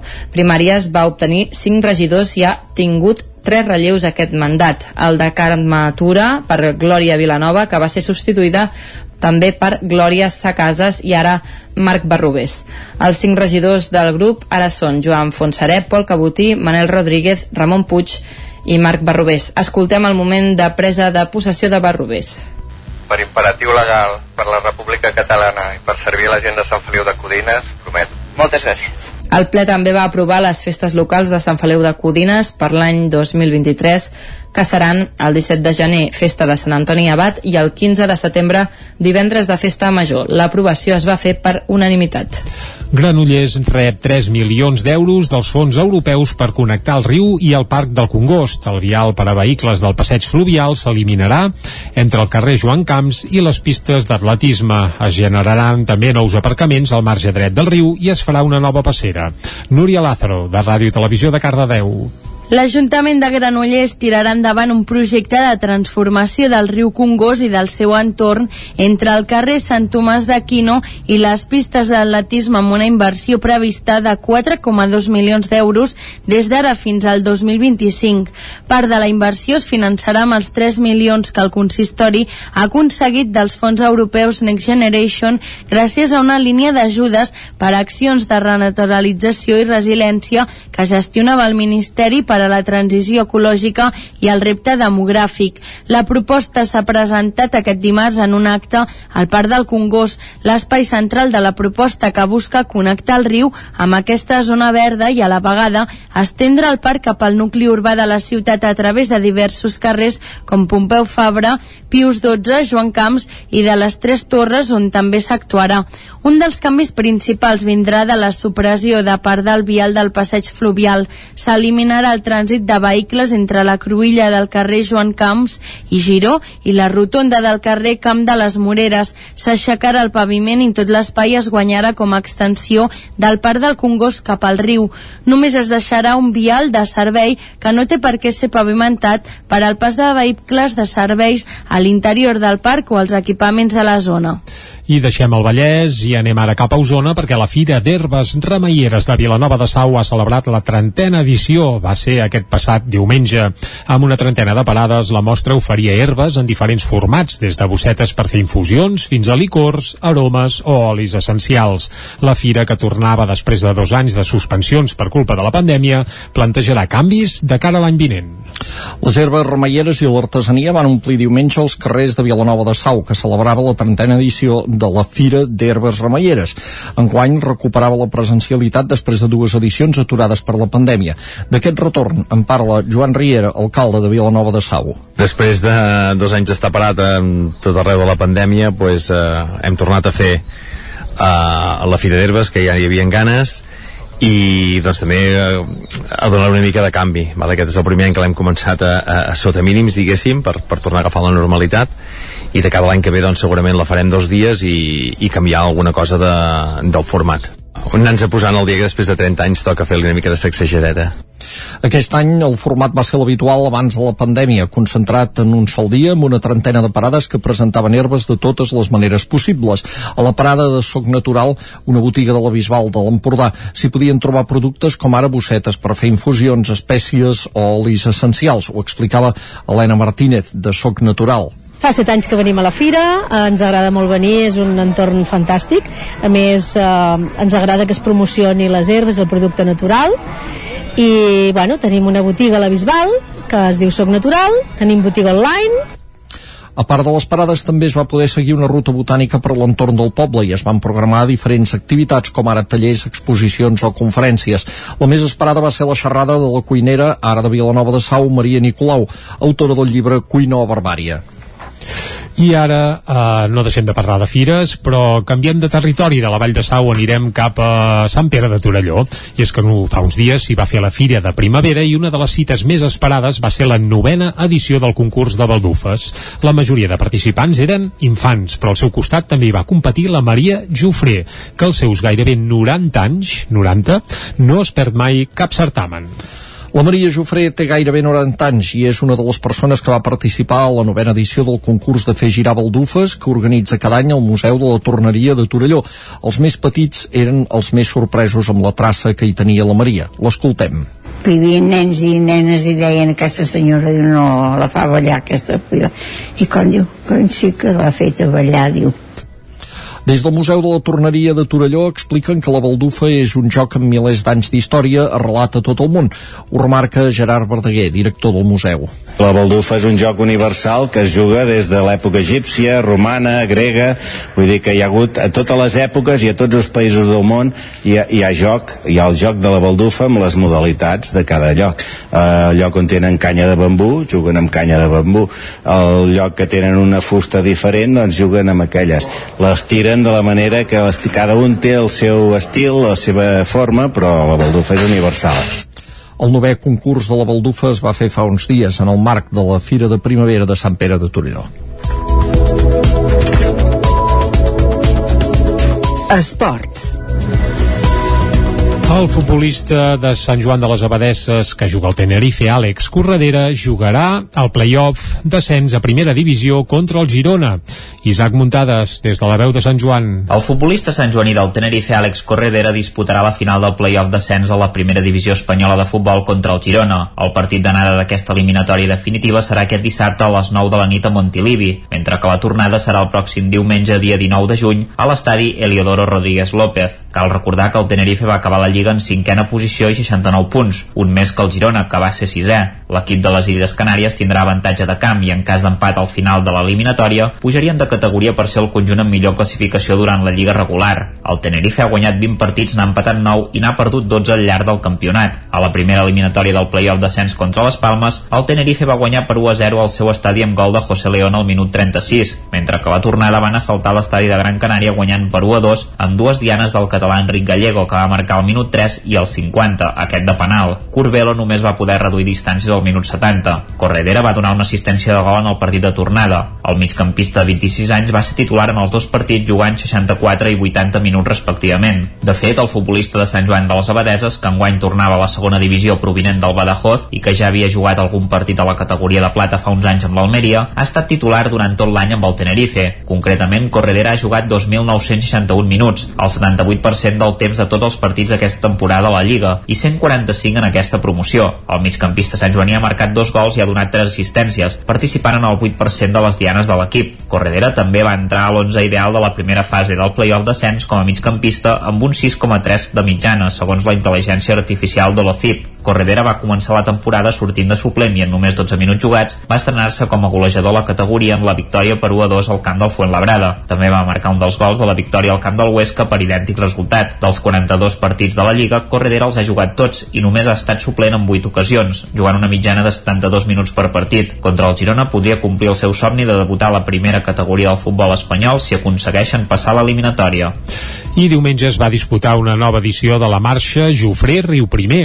Enguany s'arribava a la novena edició i hi van prendre part uns 550 ciclistes. Hi van participar també cares reconegudes del món del ciclisme, com Malció Mauri. A part, també hi havia Clàudia Galícia, que va ser l'homenatjada d'aquest any. Més de mig miler de persones van participar diumenge en la novena edició de la marxa Jofré Riu Primer, organitzada conjuntament entre el Club Natació Vic, ETB i l'Ajuntament de Santa Eulàlia de Riu Primer. Va ser una jornada festiva amb la bicicleta com a protagonista i que enguany recuperava la normalitat des de l'esclat de la pandèmia. Ho remarcava Josep Jofré, organitzador de la prova. La veritat és que estem contents, eh, era una data difícil per, per molts motius, estem eh, això, un any que sortim de la pandèmia i hi ha moltes activitats, hi ha, hi ha molta oferta cultural, esportiva i, i d'altra, no? I llavors amb, amb tot i així estem molt satisfets de la, de la participació que hem tingut, hem sigut 550 ciclistes i, i es consolida doncs, eh, una participació alta en, en marxes cicloturistes. Els ciclistes van poder gaudir d'un circuit que es mantenia en la mateixa línia dels últims anys. Podien escollir entre dos recorreguts, el llarg de 154 quilòmetres i el curt de 111 quilòmetres. Els guanyadors dels recorreguts van ser Rubén Garcia al llarg i Cristian Cumplido al curt. Els escoltem per aquest mateix ordre tots dos. Hem vingut aquí a fer la Llufré per quarta vegada, em sembla. És un recorregut supermaco, unes carreteres molt tranquil·les i molt satisfet. Eh, he arribat una mica per davant de Jofre Colell i, i molt content, sigui, molt content. Bueno, con- content per, per, per, per les sensacions. Jo crec que tenim carreteres i ports i portets eh, que valen molt la pena. Eh, poder no tenim el nom d'altres comarques, però la veritat és que és un lloc que, que, que val la pena per anar amb bici. Aquest any l'homenatjada de la marxa va ser l'exciclista Clàudia Galícia. Tampoc es van perdre la cita Marc Brustenga, el trialer Toni Bou i Malció Mauri. En acabar la cursa, els participants els esperava el dinar final amb la tradicional fideuà. I fins aquí la, el butlletí de les 10 del matí que us hem ofert amb les veus de Jordi Vilarrodà, Caral Campàs, Núria Lázaro i Isaac Muntades. Ara abans d'anar cap a l'entrevista, quan falta un minutet per un quart d'onze del matí, el que farem és fer una nova ullada a la situació meteorològica.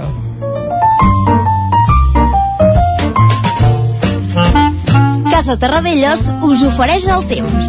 Va, i si parlem del temps, parlem amb en Pep Acosta. Bon dia, Pep. Hola, molt bon dia. Bona hora. Estem gairebé ple estiu, eh? És que hi ha una sensació gairebé de ple estiu. L'únic factor mm, que crec que ens fa veure que no estem a, a ple estiu encara, és a dir, a la canícula que més o menys va de, de, de 15 de juliol a 15 d'agost, eh, són les temperatures mínimes. Eh, les temperatures mínimes encara estan bastant a ratlla, eh, a les nits encara fa força fresqueta i també a primeres hores del matí s'hi està força bé. Però tots els altres indicadors eh, són de ple, de ple, de ple estiu, sense cap mena de dubtes. I avui eh, serà el dia més inestable de la setmana. Eh, tenim bastants núvols ara, eh, aniran a més, a la tarda creixeran aquestes nuvolades i avui creixerà més energia. I crec que poden deixar tempestes cap a la zona del Pirineu, la transversal i fins i tot algun punt del prelitoral. Tempestes febles, la majoria entre 0 i 5 litres. No seran ni de tros molt destacables, però bueno, millor que plogui una mica que no que plogui gens i que ja faci un dia de molta calor millor, millor que plogui perquè tenim molta sequera. Les temperatures màximes avui seran una mica més baixes. Seran les temperatures màximes més baixes de tota la setmana. La majoria de màximes entre els 25 i els 28-29 graus, una mica més baixes que els últims dies. Vents de direcció variable i poques novetats més. Eh, L'anticicló es anirà acostant els pròxims dies i de cara al cap de setmana sóc bastant pessimista perquè amb, amb la calor que fa amb, amb, amb aquesta calor de fa dies que, està, que, que ja tenim aquí amb la sequera que tenim al cap de setmana es preveu una pujada notable de temperatures. Mm -hmm. Per tant, molta precaució aquest cap de setmana perquè pel bosc i tot això i tot, i serà complicat, eh? Pels incendis serà molt complicat cap de setmana perquè s'espera una pujada important de les temperatures. Ho anirem veient, però pinta, pinta bastant malament. I això és tot, a disfrutar el dia d'avui, com deia, el dia més inestable de la setmana i el dia més fresquet, entre cometes també, de la setmana. Moltes gràcies, adeu. Vinga, Pep, moltes gràcies a tu. Demà més. I nosaltres ara anem cap a l'entrevista. Casa Tarradellas us ha ofert aquest espai. Territori 17 Els pròxims dies 17, 18 i 19 de juny, el Club Bàsquet Camp de Bànol celebrarà el seu 50è aniversari. Ho farà amb una sèrie d'activitats al pavelló esportiu Mercè Guix i també a la plaça coberta del barri de l'estació. Mig segle, ple de partits, d'història i de figures molt rellevants per a l'entitat, que l'han convertit en tot un, refer en un referent a la comarca del Ripollès. Per parlar dels actes d'aquest mig segle de vida de bàsquet a Camp de Bànol, anem ara mateix cap a la veu de Sant Joan amb l'Isaac Muntades. Molt bon dia, Isaac. Molt bon dia, Jordi. I sí, per parlar d'aquesta celebració, avui tenim a l'estudi amb nosaltres el president del Club Bàsquet Can de Bànol, en Ramon Revés, i també a la persona que capitaneja la comissió dels actes del cinquantenari, en Valentí Morera. Ells ens donaran doncs, una mica tots els detalls d'aquesta celebració i també ens explicaran una mica com està la salut del club i quina és la seva actualitat. Bon dia a tots dos i moltes gràcies per ser amb nosaltres. Bon dia. Molt bon dia. Uh, comencem per la setmana que ve, uh, amb aquesta celebració d'aquests 50 anys. Tenim diversos plats forts repartits entre els tres dies que hem comentat abans. Què es faran en cadascun d'aquests dies? Bé, només dir que, per començar que al llarg de l'any se'n faran d'altres d'actes, però hem concretat tot en aquests eh, tres dies. I bé, per resumir-ho ràpidament, dir que són uns actes oberts a tothom, això sí, i que comencem el divendres, que a partir de les 7 del vespre eh, hi haurà un lliurament per part de representants de la Federació Catalana de Bàsquetbol d'una placa commemorativa de l'efemèride a la Junta Directiva del club. I a continuació eh, tindrem una masterclass per a jugadors i tècnics del club a càrrec de l'entrenador actual entrenador de, de l'ACB de l'UCAM Múrcia en Cito Alonso. Això pel que fa el divendres.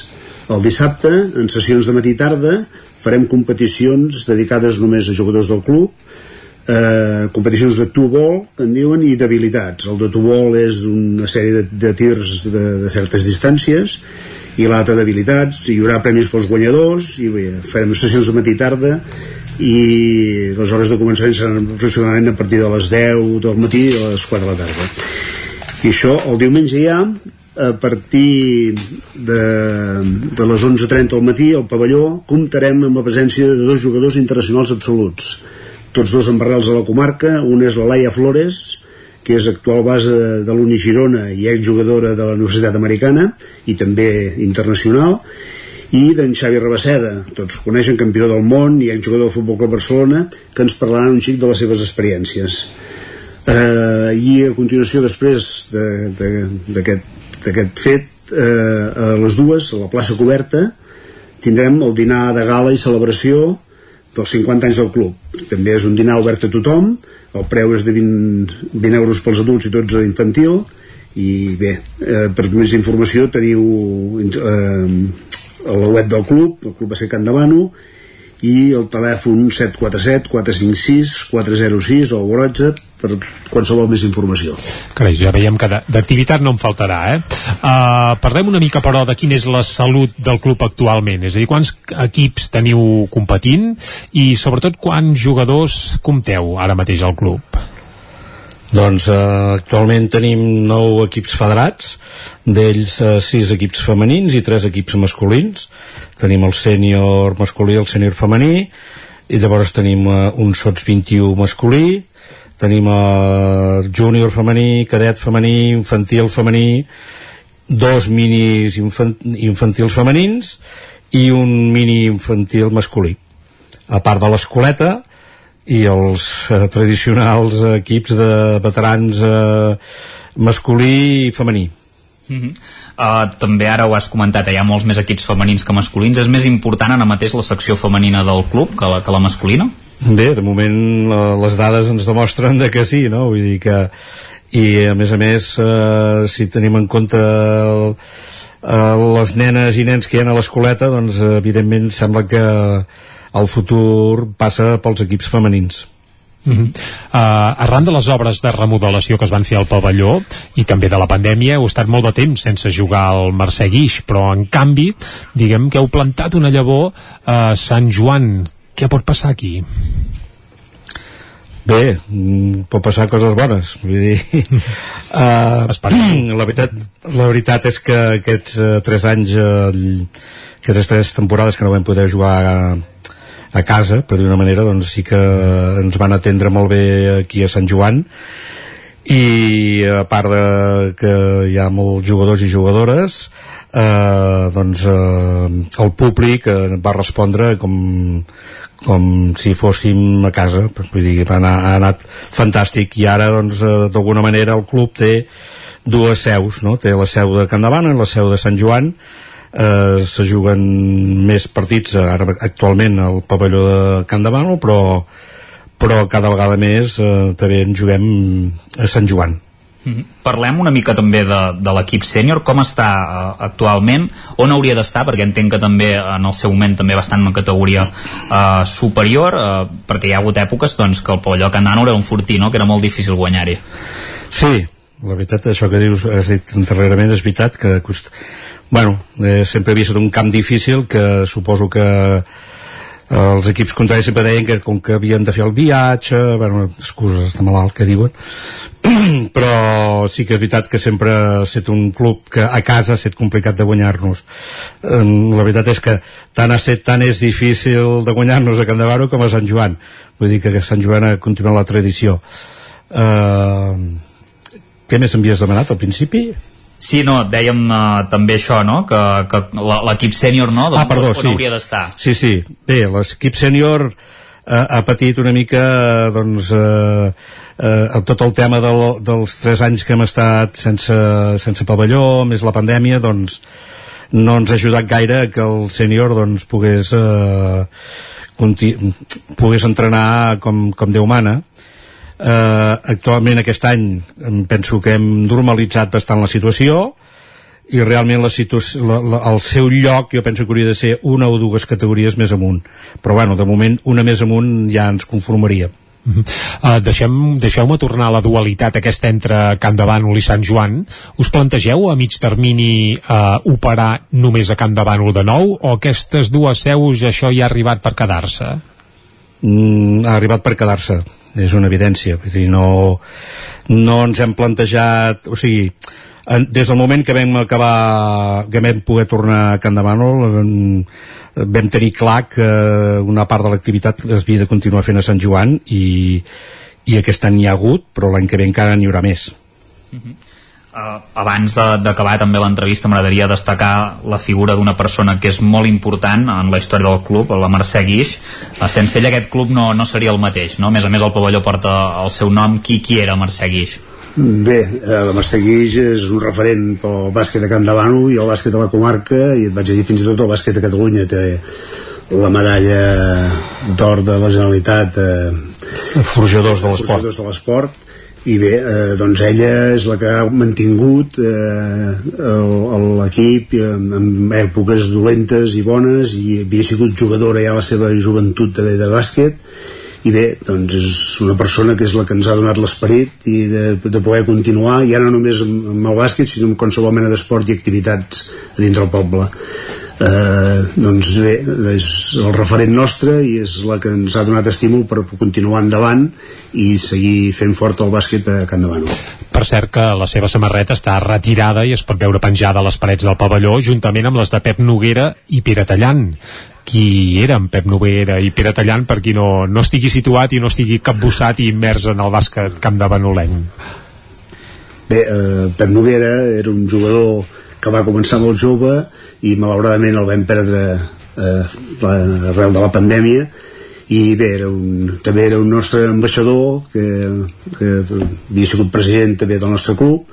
I bé, doncs com a commemoració li hem penjat la samarreta perquè pensem que era una persona molt important. I en Pere Tallant Sí, pel que fa en Pere Tallant doncs eh, eh, era un jugador més de les generacions més noves que a més a més també havia estat fent d'entrenador havia estat coordinador també del club i que també malauradament molt jove a la quarantena eh, un maleït càncer se'l van portar i després de 8 anys de lluita eh, ens vam quedar sense en Pere. Eh, en Pere jo penso que hagués estat una mica el futur del bàsquet a Can Davant en quant a coordinació i que la part esportiva millorés però um, es va quedar es va quedar a mig fer. No va estar de sort. Ramon Revés, Valentí Morera moltes gràcies per haver-nos acompanyat avui aquí a Territori 17 a parlar-nos d'aquests actes dels 50 anys del Club Bàsquet Camp de Bànol que vagi molt bé, tot plegat i molta sort i moltes gràcies de nou moltes, moltes gràcies, gràcies a, vosaltres, a vosaltres per fer-ne difusió i esperem que vingui tothom que, que ens estimi una mica. El nou FM, la ràdio de casa, al 92.8. Cobertes serveis funeraris. Els nostres tanatoris estan ubicats en els nuclis urbans més poblats de la comarca d'Osona per oferir un millor servei. Tanatori de Vic, Tanatori de Manlleu, Tanatori de Centelles i Tanatori de Roda de Ter. Sabem que són moments difícils i per això el nostre compromís és atendre-us en tot moment amb un tracte humà, sensible i respectuós. Cobertes serveis funeraris. Telèfon 24 hores 93 883 23 46. A Bailan sabem que quan té una avaria a la seva caldera vol una solució ràpida. Truqui al servei tècnic oficial Bailan i els nostres tècnics vindran ràpidament a solucionar-li el problema. A més, si canvieu ara la caldera, us regalem fins a 300 euros. Truqueu al 910 77 88 77 o entreu a bailan.es. Sherlock Holmes ha mort i Watson necessita la vostra ajuda per tornar enrere en el temps i trobar el punt exacte per salvar-lo del parany de Moriarty. Posa't en la pell del detectiu britànic i resol tots els enigmes en menys de 60 minuts per poder escapar. Elementary Escape Room de Vic, una aventura per a tota la família. Fes la teva reserva per WhatsApp amb el codi La Ràdio de Sherlock i aconseguiràs un 10% de descompte. Ens trobaràs de dijous a diumenge al carrer de la Fusina 22 de Vic per telèfon i WhatsApp al 622 85 54 17 o elementary.cat. Si tens pensat canviar la caldera o posar aire condicionat, posa't en mans de Pradell. Tenen les millors ofertes. Pradell instal·la calderes de biomassa, calderes de condensació, aire condicionat tant per a particulars com per a empreses. Apunta, Pradell, Avinguda Països Catalans, número 27 de Vic. Telèfon 93 885 11 97. Repetim, 93 885 11 97. El nou FM, la ràdio de casa, al 92.8. Cocodril Club. Si t'agrada la bona música dels anys 60, 70 i 80, escolta el 9 FM els matins de dissabtes i diumenges d'11 a 1. És el temps del Cocodril Club, tot un clàssic de la ràdio, amb les bases del pop-rock, les llegendes, les cançons que s'han convertit en autèntics himnes. Recorda, dissabtes i diumenges al matí, d'11 a 1, al 9 FM 92.8. Cocodril Club, el programa revival de l'Albert Malla. Hasta luego, cocodrilo. Anuncia't al 9FM. La màquina de casa. 9 3 8 8 9 4 9 4 9. Publicitat arroba al 9FM.cat. Anuncia't al 9FM. La publicitat més eficaç. El 9FM. El 9FM. El 9FM. El 9FM.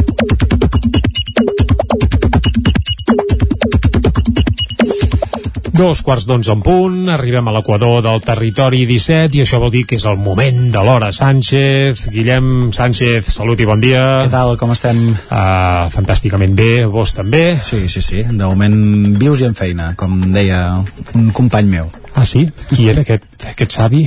L'Albert, l'Albert. Albert, doncs va, molts records. A l'Albert, eh, que per cert devia ser Albert també alta, eh? Sí, correcte. Perquè acabo de descobrir que l'Albert també baixa, un exconcursant d'Eufòria, tocarà el Ripollès en un festival d'estiu. Eh? Uh, bé, pim pam pum ja ho hem vist tot. ja ho hem vist Ja ho hem tot, sí, sí, clar, després d'escriure Albert també baixa, ja, ja és això, sí, ho hem vist tot però va, anem per les piulades capbussem-nos a Twitter i no sé si el nom més destacat o el que vull més és Anna R o no, per on van els trets? No, van, van per, altres, per altres bandes, perquè també són dies aquests de, de moltes activitats de final de, de curs a les escoles, Sí, de moltes. Sí, sí, de sí, moltes sí. colònies i, i de molta energia. I de fet m'ha cridat l'atenció una piulada que em sembla que veu una mica de les etiquetes que ens pengen a la gent d'Osona. Ens escriuen, la meva filla de colònies a Osona, ja veuràs quan torni per treure-li la peste. Home, tela marinera. Crec... I a més, potser és el, clar, la, el malic de la plana. El més probable és que si, si és de colònies a Osona, que estigui penjada pel Coll Sacabra o pel. Montseny, i home, allí tampoc és que la cosis... Bé, tant és, tant és. Tant és. Sí. Va, segur que tothom té algun record positiu de les sortides amb l'escola, els escoltes o altres agrupacions, però la reflexió del següent usuari és de matrícula d'honor. Ens diu, aviam, a les colònies de l'escola tu passes genial i són fantàstiques i emocionants i insòmniques i tot el que vulguis, però el de retrobar-te amb el teu vàter i el teu matalàs és un momentàs celestial. Perdoneu, però algú ho havia de dir. Home, quan vas de vacances, tornar a dormir al llit de casa, això és veritat que s'agraeix sovint, eh? S'agraeix moltíssim. Sí, sí, sí, aquí ens hi sentim ben identificats. I aquest professor ho té ben clar, ens eh, escriu colònies amb cole piju de barri piju de Barna, diu, nen o nena genèric apareix xulejant del preu de la seva dos dessuadora. Li dic que és una pèrdua de temps que a mi em paguen per dur la meva de l'empresa i el nen i nena quadros, grup descollonat i confio en que la lliçó estigui ben apresa. Doncs bé, aquí tenim, tenim moments i, i classes per, per tot. I tant, ja ho veiem, ja ho veiem. Va, però ara toca canviar de, de tema, no sé què us sembla colònies, aquesta... per cert, eh? Sí, ja has correcte. anat, Guillem? Tu que ets un xicot espavilat. Aquest i... any no. Ah, aquest, any no. Aquest any no, però a veure si encara estic a punt de, de, de sumar-me amb algun Va, col·legi va, o amb va, alguna va. escola. Seguim, Va, seguim. I no sé què us sembla aquesta reflexió de, de Marc, que ens descriu per Twitter, diu això de no voler saber el sexe del bebè fins que neixi em sembla una frivolitat i d'un tarannà massa atrevit per un català de bé. Diu, aquí volem saber ràpidament les coses per començar a patir el més aviat possible. Tu, Jordi, no sé si això de saber uh, si el fill d'algú és nen o és nena, uh, que estigui tan amagat, a vegades, que es facin aquestes festes fins i tot per, per saber el, el... el sexe del futur no? bé, uh, sí, no, no sabria què dir-te no sé com qualificar-ho jo no n'he pas fet mai, eh? No? En tinc un de cada, en principi, però no, no havíem exercit aquest El doctor ja us ho va dir, no? La que va mirar la panxa i va veure si era nen o nena ja us ho va dir. Vosaltres, evidentment, voleu Sí, saber. clar. Uh, Maria, t'ho diuen, allò típic, uh, vas allà a fer aquella foto, aquell d'allò, tu no hi entens res, no veus res, i et diu, oh, es veu claríssim, no ho veus aquí. I, i dius que sí, perquè, perquè ja et ben asseguro que, que costa molt, però bé, en principi, en el meu cas, a més, no es van equivocar. Això també s'agraeix. Va, i d'aquí uns dies hi haurà nous temes de les xarxes. En Sergi ens fa una predicció segurament bastant encertada. Ens diu, segons el meu calendari de polèmiques tuiteres, falta poquet perquè comenci el debat sobre els petards. Que Ai, fet, s'acosta Sant Joan, s'acosta Sant Pere. Bé, Sant Pere cal dir que els últims anys ha reculat molt i no se celebra tant, eh? No. La rebella de Sant Pere. tot això en Jordi Però ja... per Sant Joan, sí. En Jordi ja en parlava el cap de setmana passat que ens diu no m'ho puc creure, 5 de juny i ja sento petards pel carrer. La gent té ganes, eh? La gent té, té ganes i, ostres, tirar petards 18 dies abans del que és la, la rebella, em vols dir que toca? Uh, home, ja et ben asseguro que no, no toca. Però bé, si és cert que hi ha gent que ho fa, però jo encara no he vist aquelles paradetes instal·lades No, al peu raó. de carrer, eh? Per tant, jo crec que encara ens espera Molts dies de parlar-ne. pitjors. Sí, sí, no pas...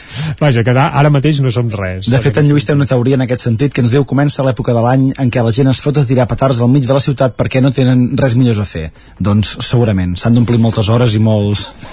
Home, no són barats tampoc, eh? Per tant, jo crec que sí que hi ha altres coses millors a fer que tirar petards, eh? Des d'aquí encoratjo a la gent que busqui alternatives, Alternatives. que n'hi ha, que n'hi ha, com escoltar la ràdio, per exemple, va. Va, i les dues últimes piulades d'avui. En Ramon ens fa una pregunta. Ens diu, soc, soc l'únic que troba sobredimensionades i una mica horteres les festes de graduació de l'ESO, amb birrets, lliurament de diplomes, Gaudiamo Zigitur, etc. Uh, això a la nostra època, bé, a la meva època, no es feia. No es feia. Ja t'ho ben asseguro. Que de fet jo em sembla que ara hi ha fins i tot festes quan acabes primària, quan acabes educació infantil, vull dir que al final acabaràs a P3 i, i farem una festa també de... Oh, ja es feia, la de P3 la recordo, aquesta la recordo, eh? I amb diplomes i tot. Sí, sí, bé, no, no era la meva, eh? Era la de la meva filla. Ho aclareixo, però sí, sí, tant que la recordo aquesta. Va, i vinga, per acabar una lliçó de vida, la que ens donen les produccions cinematogràfiques dels Estats Units. En Marc ens confessa l'únic que he pres de les pel·lícules i sèries americanes és que mai pots marxar amb el cotxe sense cremar roda ni agafar una corba sense derrapar, sempre amb el mode conducció esport activat. Si no, et multa la policia per anar lent. I més aquests dies que em sembla que per algun canal estan fent aquesta sèrie de... Quina, quina? Uh, uh, Fast and Furious, a tot ah, gas. És que jo el tema sèries no el controlo gaire, però vaja, veig que tu sí, eh? Bueno, ens vam enganxar amb una i en vam mm. veure una altra i em sembla que durant tota la setmana anirem fent, anirem fent col·lecció. Ara, pla. Uh, bé, tot sigui per no tirar petards. Correcte. Molt bé, Guillem, Doncs va, doncs va, més. a veure sèries i això, uh, no llançar petards, eh? Uh, salut i fins demà. Fem Que ara un bé. cop d'ull al 99.cat. Ara mateix l'edició d'Osona i el Ripollès obre Habana R, que ahir al vespre, en una roda de premsa que es va fer a la sala de la columna de l'Ajuntament de Vic, anunciava que no es tornarà a presentar com a candidata. L'any passat havia deixat la porta oberta a un tercer mandat, però ahir la va tancar del tot. El partit per mi ja ha acabat, va explicar l'alcaldessa fent un símil basquetbolístic. Avui que hem parlat de bàsquet també aquí a Territori 17 amb Camp de Bànol, doncs l'alcaldessa també en va parlar ahir. Recordem que de jove, per cert, havia jugat a bàsquet. Bé, i de gran també, perquè encara hi juga de tant en tant. Anem al Vallès Oriental. Ara mateix, obre explicant que Granollers rep 3 milions d'euros del fons europeus per connectar el riu i el parc del Congost. Aquesta connexió es farà amb una nova passera que travessarà el Congost. També veiem que Vigues i Riells del FAI completa la reforma de la vorera del camí de la Torre i operació antidroga de la Guàrdia Civil amb escorcolls a Granollers, l'Ametlla i Santa Eulàlia de Ronçana, una operació que es va dur a terme ahir, de la qual avui el 99.cat n'explica quatre detalls més. Ara fem una breu pausa i de seguida a la taula de redacció. Territori 17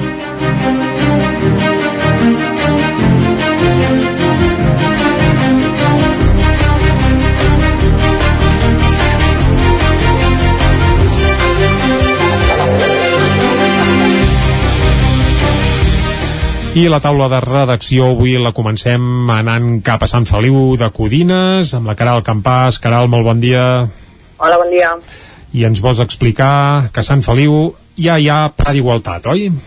Sí, um, és, uh, tenen un pla d'igualtat intern pels treballadors i treballadores uh, municipals de l'Ajuntament um, i, i tot ve d'un estudi que es va sol·licitar l'any 2020 a la Diputació de, de Barcelona un estudi per fer una, una anàlisi previ a través del qual doncs, poder vertebrar aquest pla.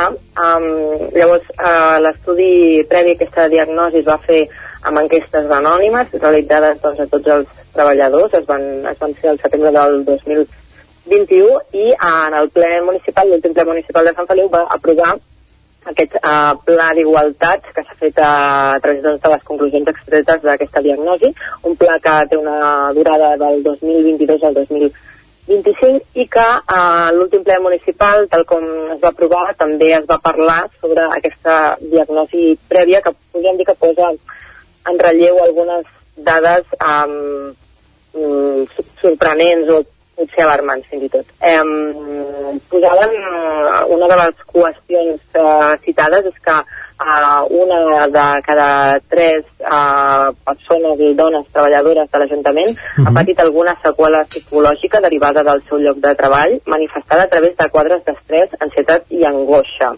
i pel que fa als homes, eh, un 13% declaren també haver patit aquesta sintomatologia. A més a més, eh, la meitat de les dones i un terç dels homes afirmen que es produeixen comentaris sexistes alguna vegada o sovint.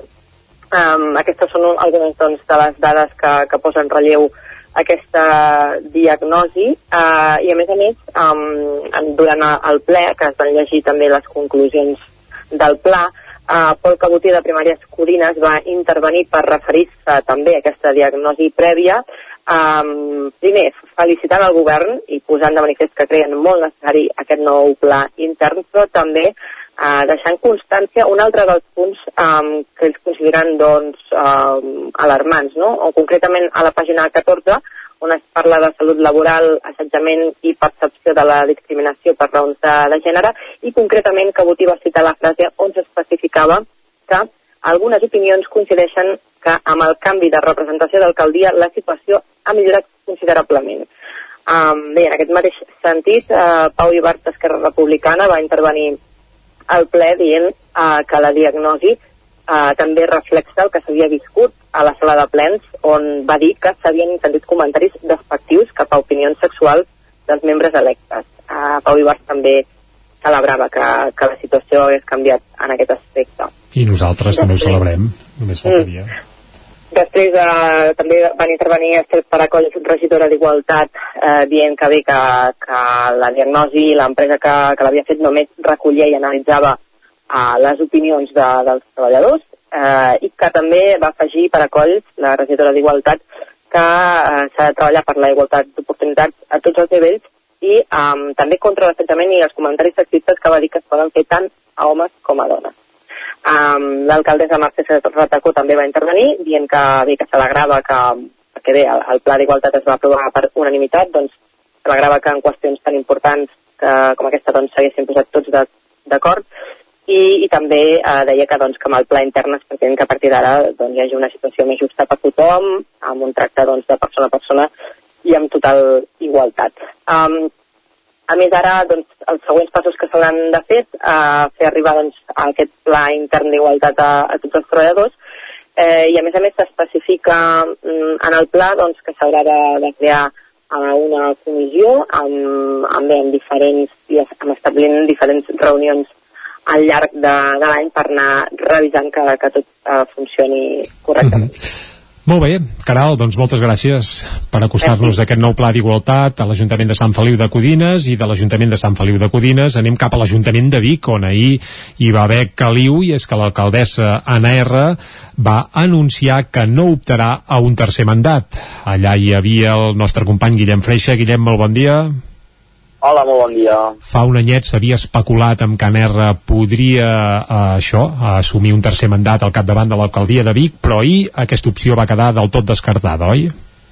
Exacte, hi havia aquest uh, dubte en l'últim any d'aquest uh, mandat, quedava per resoldre si Anna R es tornaria a presentar, si tornaria a optar a l'alcaldia de Vic, i ahir doncs, va donar explicacions i va dir, uh, fent servir un símil basquetbolístic, perquè Anna R és molt aficionada al bàsquet, va dir que el seu partit havia acabat, que per tant posava punt i final a la seva etapa el, el partit, entenent partit com a enfrontament no com a Junts per Catalunya eh? que ningú uh, Exacte, no. tingui aquí sí, sí. final el mm. partit com a alcaldessa, mm. com en aquesta trajectòria d'alcaldessa, eh, fent el símil del, del, del bàsquet a l'Ajuntament de Vic, en aquesta tasca d'alcaldessa que va començar a fer el 2015, 15. recordem que va entrar com a regidora el 2007, va fer dos mandats com a regidora vinculada principalment a les àrees d'educació i l'àrea de serveis eh, socials que, que se'n deia en aquell moment. El 2015 agafa el relleu de Josep Maria Vila de Badal, surt escollida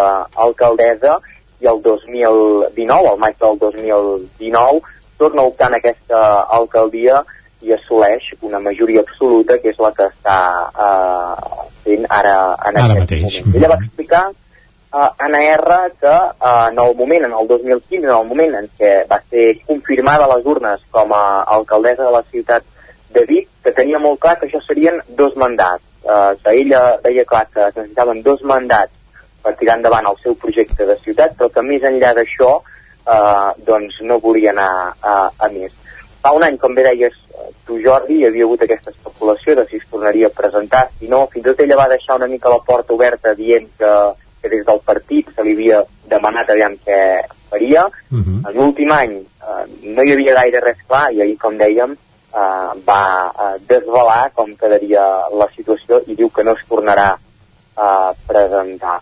En l'acte d'explicar de, de, la decisió sí que va repassar una mica la seva tasca, el del que n'estava més orgullosa del seu pas per l'alcaldia de Vic. Va parlar, per exemple, de, de convertir la ciutat en un referent en escoles de bressol i també amb el projecte educatiu, de fer un pou nou, nou, recordem que el 2015 quan entra eh, hi ha la supressió del, del POM que s'havia aprovat uns anys eh, enrere, va haver de tornar a fer de nou i també va apuntar a la Facultat de Medicina, eh, escollida ara fa també eh, poc temps, i convertir Vic en aquest eh, eslògan que s'utilitza de ciutat a la mesura humana, doncs va dir que, que creia que havia fet passos endavant per assolir-ho. I deia que en aquest any que li queda com a alcaldessa, perquè recordem que encara queden Clar, aproximadament... No abandonarà el càrrec fins a l'últim dia, eh?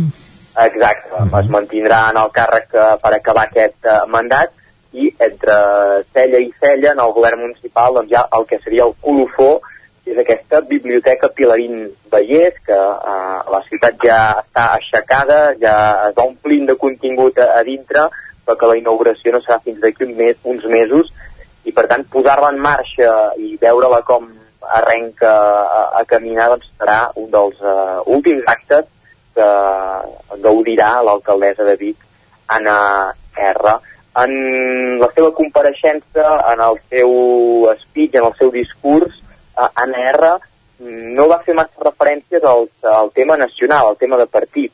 Recordem que R, aquest últim cap de setmana, en el Consell Nacional de Junts per Catalunya Argelers va ser un dels noms destacats, uh -huh. uh, va ser ratificada en una de les vicepresidències i en aquest càrrec va arribar a obtenir més vots que Laura va Borràs. Rebre, Laura, exacte, Laura Borràs, que optava a la presidència.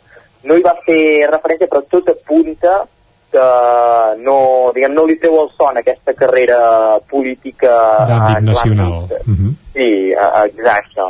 Veurem, veurem en els propers mesos. Junts està en aquest procés de, de reformulació, de, de buscar nous lideratges, eh, comenten des del mateix partit. Veurem si finalment eh, doncs, eh, acaba ocupant algun lloc en aquesta cúpula i si no, doncs Anna R eh, no ha amagat mai que no li faria absolutament res tornar a, a l'escola, on hi va fer de professora durant molts anys, abans d'entrar en, en política municipal. Per tant, això, ara sí que ha decidit que tanca l'etapa en aquesta ciutat de Vic, en aquesta mm -hmm. política municipal a la capital d'Osona, i veurem què depara el futur polític de l'alcaldessa de Vic, una alcaldessa de Vic que, com dèiem, el 2019 va assolir aquesta majoria absoluta uh, a la ciutat. Guillem, moltes gràcies. Molt bé, adeu, bon I dia. nosaltres tanquem aquí la taula de redacció i anirem de seguida cap al Lletra Ferits. Territori 17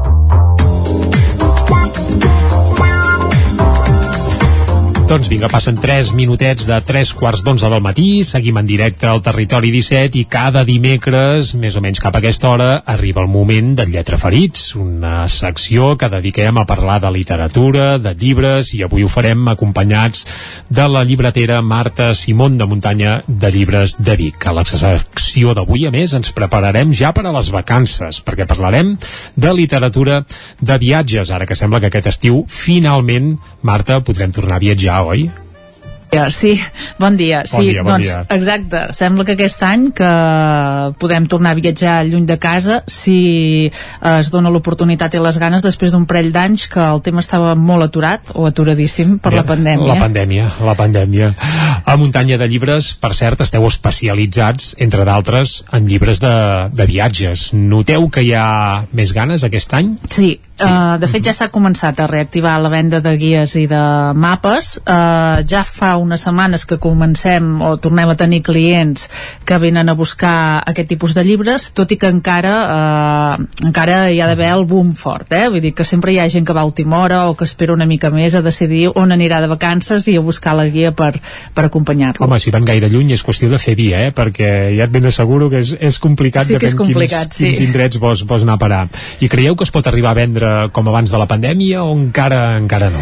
En relació a l'any passat, segurament que sí, segurament que doblarem les uh, vendes, però el que no acaba d'arrencar encara són el que nosaltres anomenem com a, o diem són els grans viatges, que són viatges d'aquests de més de 20 dies, per exemple. Sí, aquests... Sí, aquests són Ja- grans ja, viatges. Ja el faríem, ja, Sí. però clar... I, i que són a destins llunyans, tipus la Xina, Nepal, per exemple. Aquest tipus de viatge aquest any encara de moment no s'ha recuperat i per tant no es venen tantes guies eh, o, o mapes en, en aquest sentit. I quins són els que s'han recuperat? Quins destins es preveu que funcionin bé eh, de cara a aquest estiu? A veure, la gent el que busca són destinacions segures a nivell Segures de... a nivell Covid i, Exacte. i altres coses, eh? Sí, perquè ens sí. entenguem. Sí, sí. Per tant, Europa està funcionant molt bé, França, Itàlia, Islàndia és un destí molt potent des de fa ja uns quants Deixa'm anys. dir que també molt car. Sí, això perquè, també, sí. perquè ens hem d'enganyar, eh? És un tema a valorar a l'hora de triar el destí també. eh?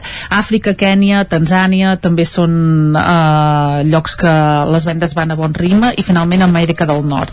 Amèrica del Nord vol dir Estats Units i Canadà? I Canadà, sí, sí. sí. Això sense comptar eh, també, per exemple, les Illes Balears, que és un clàssic. I les Pitiuses, No? Exacte, sí. o eh, també destins a dins de l'estat espanyol. Eh, I un tipus de viatge que ha agafat molta embranzida, sobretot arran de la pandèmia, és el viatge amb autocaravana. No sé si l'has practicat alguna no, vegada. No l'he practicat, vaig estar a punt de fer-ho precisament mirant Islàndia Sí? dir, "Ah, aquest estiu bum, però Sí ostres, diuen, sí. els Sí. preus et ben asseguro que, que te'n vas als Estats Units i et tornen al canvi eh? Sí, sí, sí. Doncs, és molt car anar en autocaravana a Islàndia Sí, us ho doncs els viatges amb autocaravana sí que realment, eh, com el que dèiem, no? que la gent busca destinacions segures, doncs també és una manera de viatjar doncs eh, força segura i s'estan venent i s'estan editant també moltes guies i molts mapes eh, pensats eh, ex expressament per aquest tipus de, de viatge. doncs és bo tenir-ho en compte avui però eh, et vols centrar en literatura de viatges Sí, eh? perquè més enllà de les guies i dels mapes que ara comentàvem, hi ha tot un gènere literari que és el de la literatura de viatges. És un gènere molt difícil d'emmarcar perquè hi trobem molt tipus de llibres diferents, hi trobem cròniques, memòries, eh, diaris, novel·les... Són eh, bàsicament llibres en què el viatge o un indret concret eh, del món hi té un paper eh, fonamental. I avui us volem parlar d'alguns títols d'aquest tipus de llibre. doncs va, que embossem-nos-hi per quin comencem? Per Doncs on començarem, sí, enumerant ràpidament, se, sense, o sigui, passant-hi per sobre un parell de clàssics, perquè de literatura de viatges se n'han fet des de temps immemorials. Per exemple, el primer gran clàssic que en part es pot considerar literatura de viatges, doncs l'Odissea d'Homer. Ah, sí? Ostres, això és literatura de viatges. Val. En part sí, és literatura Bé, sí, sí, èpica, no. d'aventures també, no, però i de, de, fet i de viatges em fa, clar, no para un viatge sí, que sí. dura 10 anys, no? Tant, que és uh, i tant. el viatge de retorn cap a casa, cap a Ítaca, que fa uh, Ulisses després de, de la guerra de Troia. i acaba arribant que la nostra Ítaca vés a saber sí. la tenim, però vaja. Una mica lluny sí, sí. encara. Bé, bé, això seria un altre tema. Un altre dels grans clàssics d'aquest gènere que hem de tenir en compte, doncs, el llibre de les meravelles de Marco Polo. Mm. És la primera obra escrita per un occidental, era venecià, que, pres, eh, que descriu Orient.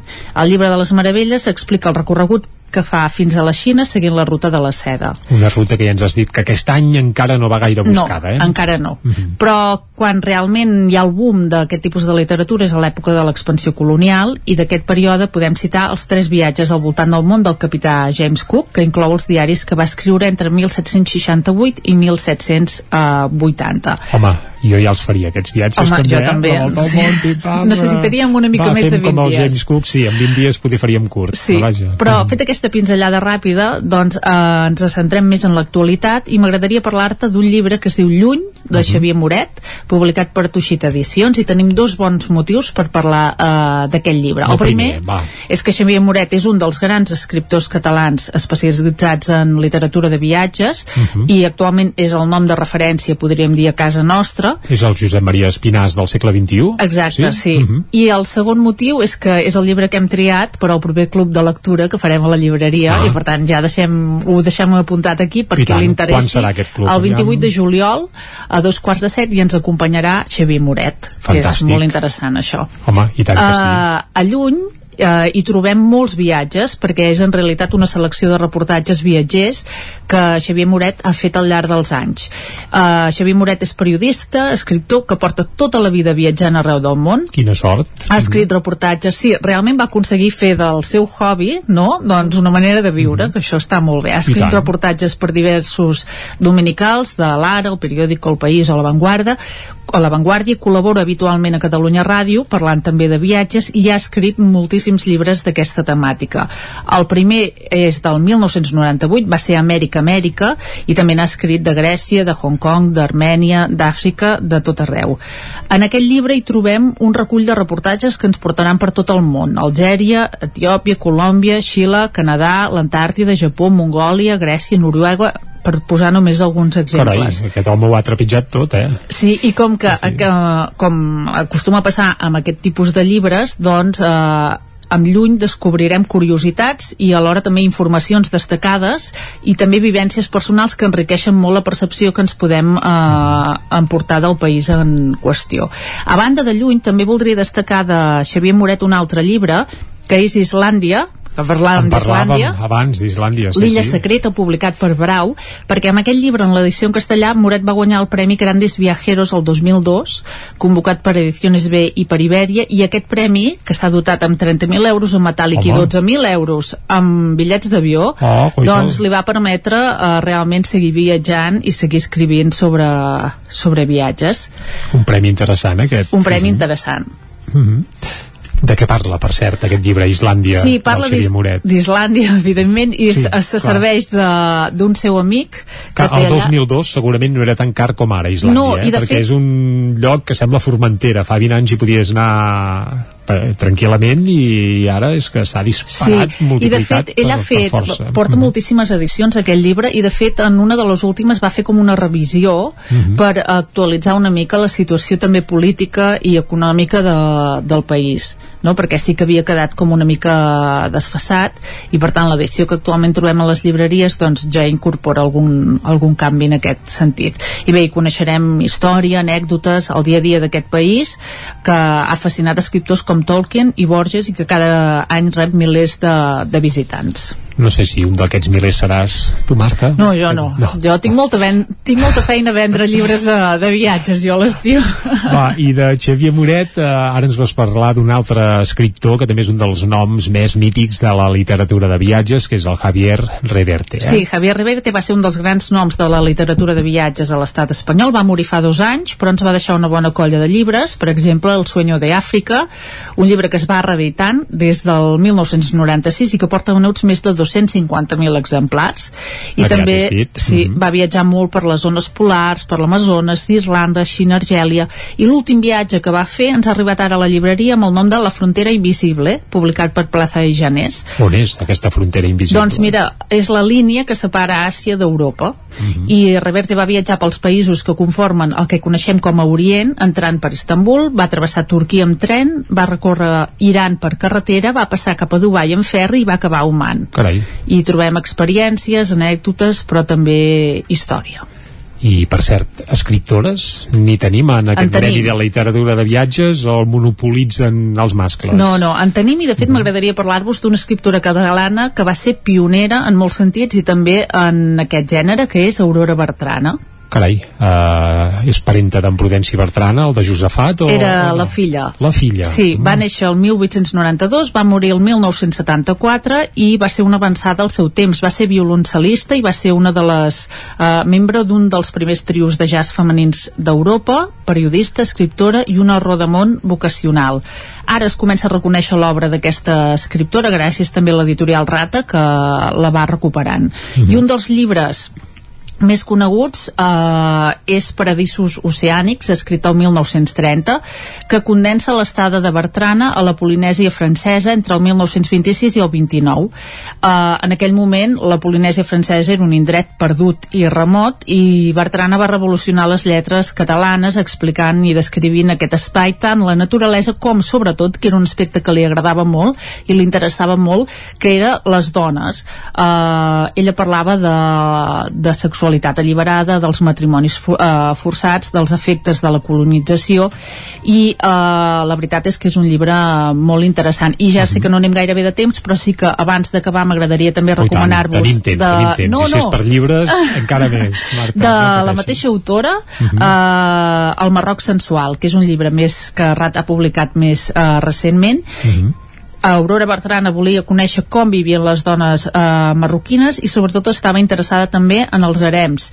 Era el 1935, setmana sola 3 mesos al Marroc i va travessar el país de nord a sud i d'aquí en va sortir aquest llibre que també us el recomano moltíssim. Carai, uh, va, un fragment, mini fragment d'aquest llibre, Marta, Vinga. perquè sembla interessant. Bé, no, no ho sembla, segur que ho és, eh? El Marroc sensual.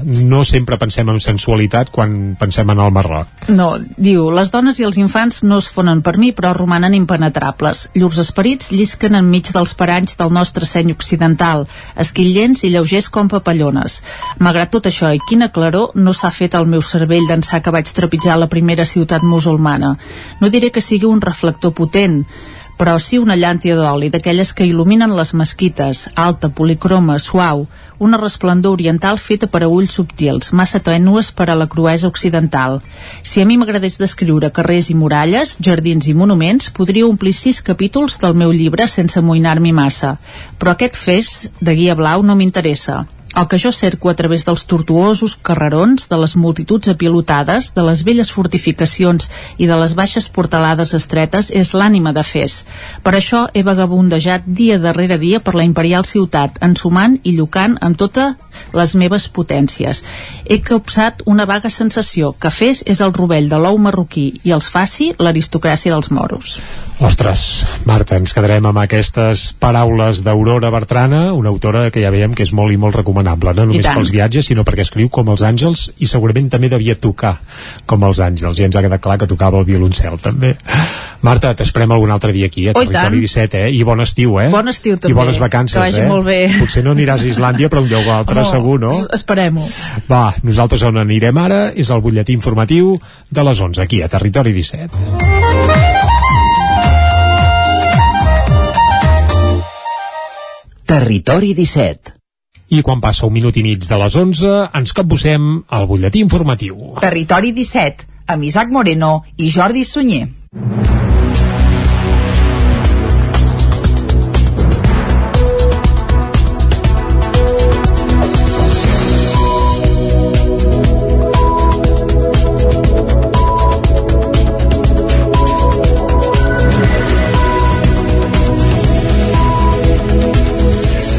I comencem anant cap al Vallès Oriental perquè el delegat del govern a Barcelona, Antoni Morral, visita Sant Feliu de Codines i assumeix alguns compromisos amb la població com la construcció de la nova variant. Ens ho detalla Caral Campàs des d'Ona Codinenca.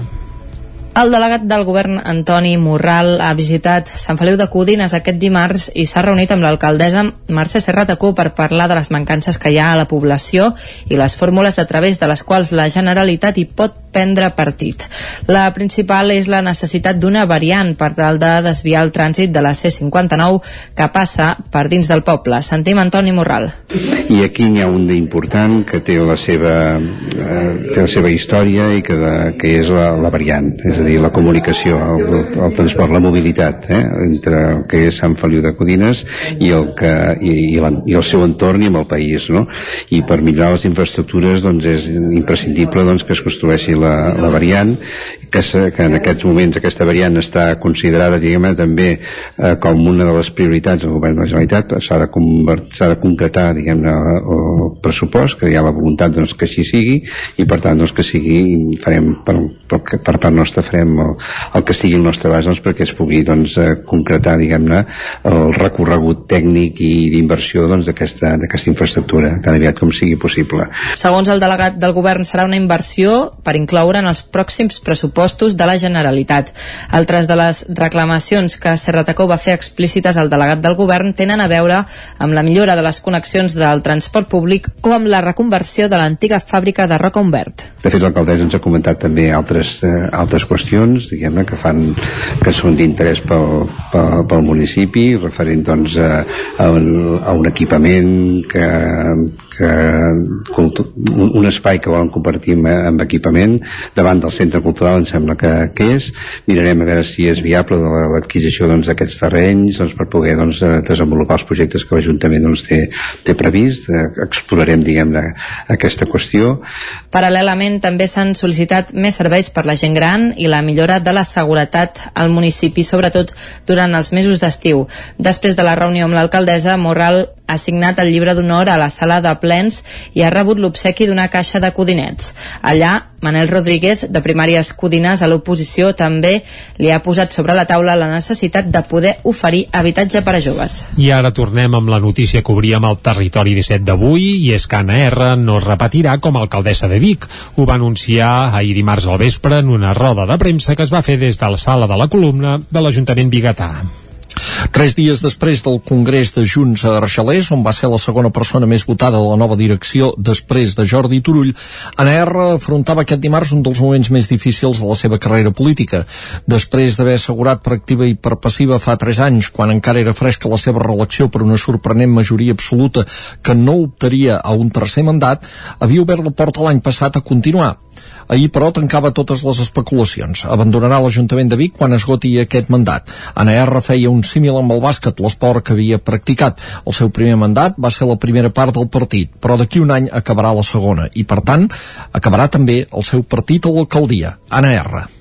Tenim el deure de, de continuar treballant per aquesta ciutat, que és el que ens van donar, però jo sempre he pensat i faig aquest símil quan he fet amb això del bàsquet però eh, és així com entenc la política és així com entenc ser honesta amb la meva paraula que jo sempre havia dit diguem que eh, per al meu càrrec d'alcaldessa crec que són càrrecs de 8 anys i eh, honesta amb les meves conviccions i amb la meva manera de veure la política per això avui doncs anuncio que no em tornaré a presentar a la reelecció Anna R tenia presa la decisió de fa dies, però havia calculat i pactat al moment de fer-la pública, després del Congrés de Junts, on R optava a una de les vicepresidències d'una candidatura unitària pactada entre Laura Borràs i Jordi Turull, on cadascun d'ells representa una de les ànimes de la formació. I coincidint en quan falta un any per la investidura del nou consistori, el que és el mateix, quan s'esgoti del tot el seu mandat. Ara serà l'Assemblea de Junts qui esculli el cap de llista. Anna R. Junts, eh, l'Assemblea de Junts ha de decidir doncs, a partir de les persones que creguin que poden ser eh, els possibles candidats doncs, eh, i candidates a, aquesta, aquest nou càrrec i només desitjo que eh, hi hagi el màxim consens, el, el màxim suport i la màxima confiança en el projecte en el sentit de que nosaltres intentarem de deixar la feina al màxim de ben feta perquè eh, la ciutat continuï donant el màxim suport doncs, eh, al grup de Junts per Catalunya. Llicenciada en Geografia i Història i diplomada en Magisteri, Anna R. ha exercit de professora. Va entrar a l'Ajuntament de Vic com a regidora l'any 2007 i és alcaldessa des del 2015. L'any 2019, el segon cop que es presentava encapçalant la llista de Junts, va aconseguir la majoria absoluta. Des del juny de 2018 és diputada al Parlament de Catalunya i ocupa també la presidència del Consell Nacional de Junts. La Déu d'Anna R s'assembla al que fa unes setmanes va comunicar Marta Madrenes, l'alcaldessa de Girona, que tampoc no es presentarà a la reelecció i que també governava la ciutat des de feia dos mandats. Madrenes, com l'alcaldessa de Vic, també forma part de l'executiva de Junts. I d'Osona anem ara cap al Ripollès perquè el Consell Comarcal del Ripollès acull una jornada de turisme sostenible als espais fluvials de la comarca. Ens, ni, ens n'avança més detalls l'Isaac Muntades des de la veu de Sant Joan. Aquest dimarts, durant el matí i la tarda, es va celebrar al Consell Comarcal del Ripollès la jornada de turisme sostenible als espais fluvials del Ripollès, que havia de servir per cloure el cicle de jornades titulades Treballem la sostenibilitat a les empreses turístiques de la destinació. Es tractava d'un conjunt d'activitats organitzades en el marc del projecte Xarxa d'Espais espais de contacte amb el riu Ter, impuls a la diversificació del turisme de natura al Ripollès, impulsat per l'ens comarcal i finançat amb un fons europeu FEDER. Els passats mesos de desembre, abril i maig es van celebrar aquestes jornades a Camprodon, Sant Pau de Segúries i Sant Joan de les Abadeses, i ara era el torn de Ripoll. L'objectiu del pla és fer millores en espais naturals urbans al voltant del riu Ter, amb els quatre ajuntaments que s'hi han sumat, per tal que esdevinguin nous atractius turístics i alhora apostar per un model respectuós amb l'entorn sota criteris de sostenibilitat. L'import del projecte és d'1,6 milions d'euros euros, la meitat dels quals estan subvencionats pel FEDER. El president del Consell Comarcal, Joaquim Colomer, va desgranar les xifres de tots els fons europeus que han arribat al Ripollès i la participació en les jornades anteriors. Portem sumats doncs, el FEDER 1 més el FEDER 2, més ara doncs, aquesta nova adjudicació de planes i per tant doncs, estem parlant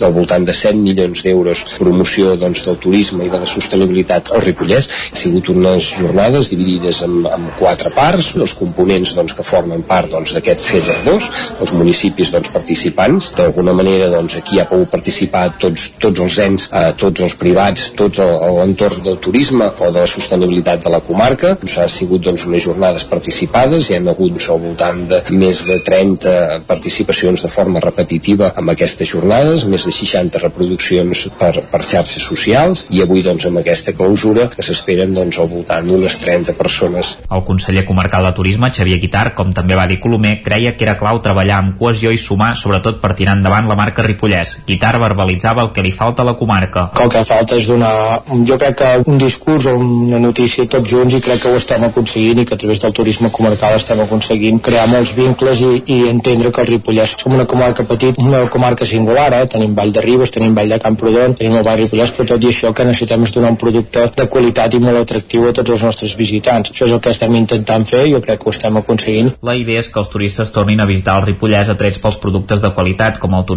cultural o gastronòmic. A la jornada de Ripoll, al matí, el Consorci del Ter i de l'empresa Decava Turisme i Desenvolupament van presentar reptes vinculats amb el turisme als espais fluvials del riu Ter i un recull de bones pràctiques pel que fa a la potencialitat turística en cursos d'aigua. A la tarda, des del Club de Benestar i Salut del Patronat de Turisme Costa Brava Pirineu de Girona, es va abordar el creixement del turisme de benestar i salut a les comarques gironines. A continuació es va presentar el projecte Vora Ter, enfocat a la dinamització d'espais fluvials amb criteris de benestar i salut que s'està impulsant des del projecte FEDER, xarxa d'espais de contacte amb el riu Ter.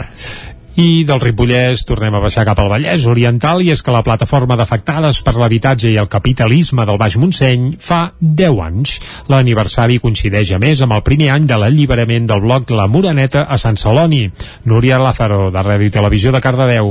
La plataforma d'afectades per la hipoteca i el capitalisme del Baix Montseny celebra aquest dissabte 4 de juny el seu desè aniversari en un moment on la problemàtica de l'habitatge segueix sent més vigent que mai. Des de la PA recorda que en aquesta dècada s'ha donat resposta a les necessitats de centenars de persones que han tingut problemes amb l'habitatge, des d'hipoteques a ocupacions, passant per problemàtiques amb el lloguer. S'escau, a més, que la celebració d'aquests 10 anys de lluita també coincideix amb el primer aniversari de l'alliberament del bloc de la Moraneta, que ara mateix acull a 13 famílies a Sant Celoni.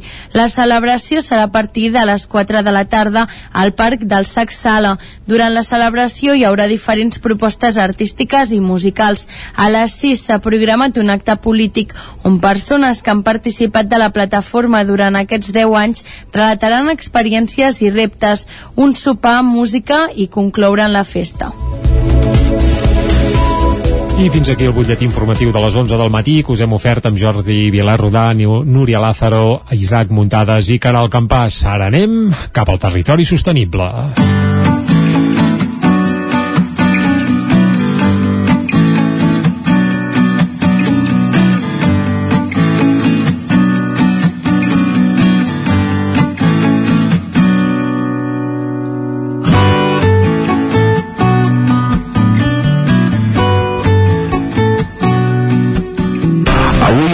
Territori Sostenible volem parlar de carn de xai ecològica feta al Vallès Oriental.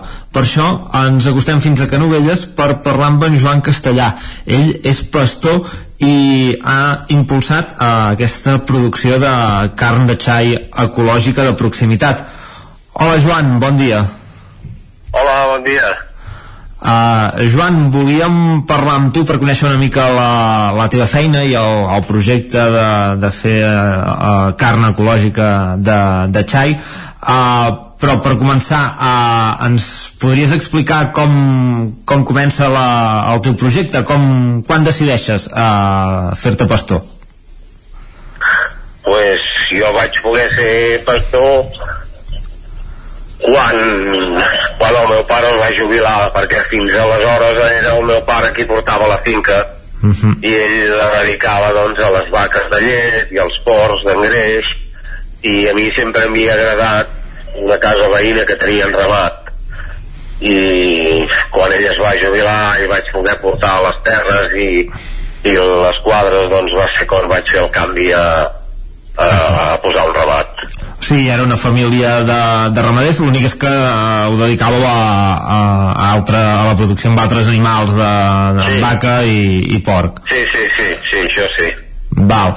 Uh, llavors tu ja de, de petit tenies uh, la idea de, ostres, uh, m'agradaria més uh, cuidar un ramat, no? Sí, de, ja per la comunió, que llavors encara es feien aquestes coses, uh -huh. a la meva edat, uh, ja em van regalar una cabreta i des d'aquella cabreta doncs ja vaig deixar-ne una altra i llavors ja vaig criar xai i sempre havia tingut aquesta afició no com a negoci sinó com a afició perquè no, no podia I uh, quants anys fa doncs, que, que, has, en, que has començat amb, amb, el, amb el negoci, doncs, diguéssim, de manera més professional? pues, uns 15, uh -huh. 15-20 anys I des... 20 anys Uh -huh. I, i clar, suposo que començaves amb el ramat ja tenies la idea de fer de fer-ho de, de manera ecològica, diguem-ne? No, quan vaig començar, vaig començar fent xai convencional. Uh -huh. I aquí va ser quan em vaig donar compte de que no... Aquí, amb un ramat petit, no, no, no té futur fer xai convencional, perquè per bé que tu el cuidis, quan vas a l'escorxador passes els preus dels grans de la carn. Uh -huh. I els teus no els valoren més. I havia d'apartar de tot això. Uh, has de fer una cosa uh, ben feta, que tu hi creguis, hi ha unes normes a seguir, són molt estrictes, el CTPAE d'aquí de la Generalitat de Catalunya, però realment eh, és una carn eh, diferent. Jo no vull dir que sigui ni millor ni pitjor, per mi és millor, eh? però deixem-ho en diferent. I llavors això es valora més. També has de trobar els teus clients, és a dir, el teu restaurant que realment valori la carn que tu fas o la teva petita carnisseria. Inclús hi ha gent que estan en processos de quimioteràpia perquè tenen malalties greus uh -huh. i volen carn d'aquesta. Hi ha hagut algun menjador escolar inclús que està interessat en aquesta perquè a més a més eh, la carn ecològica hi ha moltes coses a darrere. La terra ha de ser ecològica. El que mengen les ovelles ha de ser ecològic. És un, ha de ser un ramat sostenible. Uh -huh. o sigui, ha de pasturar unes hores al dia al camp. Uh, no pot estar. Ha de tenir uns metres de corral uns metres de pati. Hi ha unes normes que els altres ramats no han de seguir Uh -huh. I el, ben, el benestar animal és molt més elevat amb un ramat ecològic amb un ramat convencional. Això et volia, et volia, et volia comentar de, dels canvis que, que veu haver de fer a la finca, diguem-ne, o a la vostra manera de treballar, per, per aconseguir que, que fos uh, validat uh, com a carn de xai ecològica. Sí, sí, començant per la terra no pots aplicar productes fitosanitaris, no pots aplicar uh, adobs químics, tot ha de ser amb adobs orgànics, amb els mateixos temps de les ovelles, o amb temps d'altres explotacions, ha de ser la, la llavor, tampoc pot ser eh, una llavor tractada, ha de ser una llavor a poder ser ecològica i si no, si no pot ser sense tractar, eh, llavors no pots, no pots aplicar ja, ja amb productes fitosanitaris i el, el menjar d'elles ja es converteix en ecològic. Uh -huh. amb, llavors, elles tampoc no els pots donar segons quins medicaments han de ser per exemple per la diarrea jo no ho sabia doncs comprem sacs d'all en pols de Cuenca que ens el porten sí. i és un antibiòtic natural i fem servir medicaments pal·liatius estem en contacte directe amb, un, amb una associació que es diu ANCRI és una associació de criadors d'ovelles ripolleses uh -huh d'aquí del país i amb el veterinari i no ens deixen donar amoxicil·lines ni penicil·lines ni totes aquestes coses. Clar, perquè sí. si no hauries de fer uh -huh. dues línies una de xai ecològic i una de xai convencional. I nosaltres preferim fer una sola línia. I hi ha algun xai que a vegades s'acaba morint però és que si no l'altre ja no seria ecològic si, si el curés punxant ja no seria ecològic uh -huh. Ah, doncs, parlaves ja de, del, del fet de, de la medicació, de, del fet de l'alimentació. Ah, suposo que també a l'hora de, de, de les instal·lacions, dels camps, també ah, tenen una normativa específica. El, el, la, seva, la manera de viure que tenen els xais també és diferent. I, sí, han, de tenir, han de tenir uns metres quadrats de cobert i tots els animals han de tenir pati. Uh -huh. Llavors... No, hi ha, no pot haver-hi un corral sense pati. Inclús aquí hi ha una anècdota que nosaltres posem els mascles a les ovelles, un mes sí, un mes no. Uh -huh. sí, de manera que cada, cada un mes sí, un mes no tenim parts. Sí. De manera que tenim xais tot l'any pels nostres clients. Vine aquí, vine aquí, Luca. Uh, T'enganxem que estàs, estàs, a, sí. estàs amb, amb el ramat, diguem-ne, pasturant. Sí. I, i què t'anava a dir? Doncs... Que teníem... Uh, uh, vaig, jo tenia un corral que hi tancava els, els 7 o 8 mascles, els marrans, uh -huh. i van venir els del CCPAE, els del Consell Català de la Producció Agrícola Ecològica, uh -huh. uh, i em van dir que, que havien de, de tenir pati. Uh -huh. I ja et dic, uh, aquesta uh, clar, quan, quan heu tardat a fer tot, a, tot aquest procés no? de, de, de, de canvi de, de producció de xai convencional a, a xai ecològic en total la terra dos anys uh -huh. les ovelles i els corrals sis mesos uh -huh déu nhi i, i uh, parlaves de, de que estàs amb el ramat uh, quan, quants xais teniu diguéssim, o, o el ramat de, de quants caps és? unes 350 ovelles uh -huh. 350 i, i la idea és no anar més és mantenir aquest, uh, aquest, uh, no, aquest volum no, diguem-ne no, no.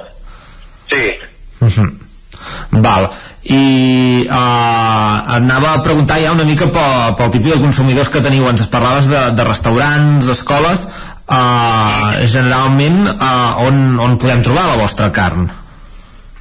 Uh, aquí a la vall del Tenes hi ha una carnisseria Santa Eulàlia uh -huh. es diu Can Maranja després hi ha un restaurant que es diu La Sala després tenim a, a, això a Santa Eulàlia a Lliçà d'Amunt tenim a Carnisseria Canadell uh -huh. i ja passaríem a Granollers al Crestall que és una botiga de productes ecològics després podríem anar a la Garriga, al racó de la Garriga, que és un restaurant, Sant Agnès de Malallanes, que hi ha un restaurant que, que va ser el primer, Uh -huh.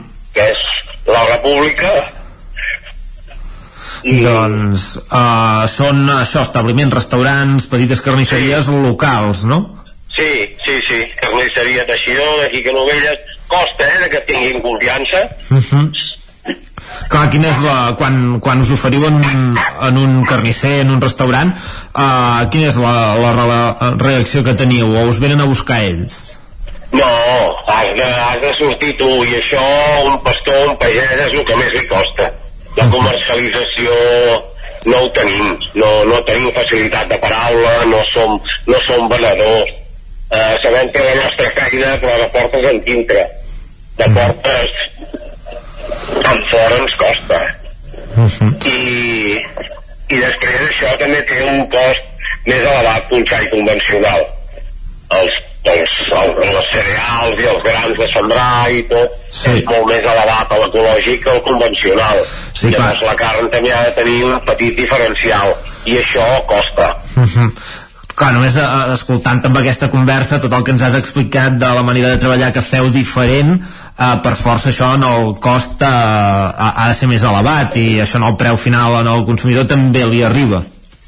Sí, sí, eh, tot i que mirem d'ajustar-nos el que puguem perquè és una feina vocacional això, això per diners no li aconsellaria a ningú que ho fes i vol guanyar diners que no posi un ramat que es dediqui a qualsevol altra cosa però els que ens agrada doncs si ho volem fer-ho amb un ramat convencional no podíem no podíem, és, és pràcticament impossible Llavors, a, a, la llarga està, està satisfet amb, el, amb aquest canvi, no?, d'apostar per, per la producció de xai sí. ecològica? Sí, sí, estic satisfet i et diré per què. Perquè hi ha molta gent particular que en vol mig, o en vol un quart, o en vol un de sencer perquè té una barbacoa molt gran, o fan una calçotada molt gran, i se'l parteixen amb no sé qui, i, i, i veus que la gent torna.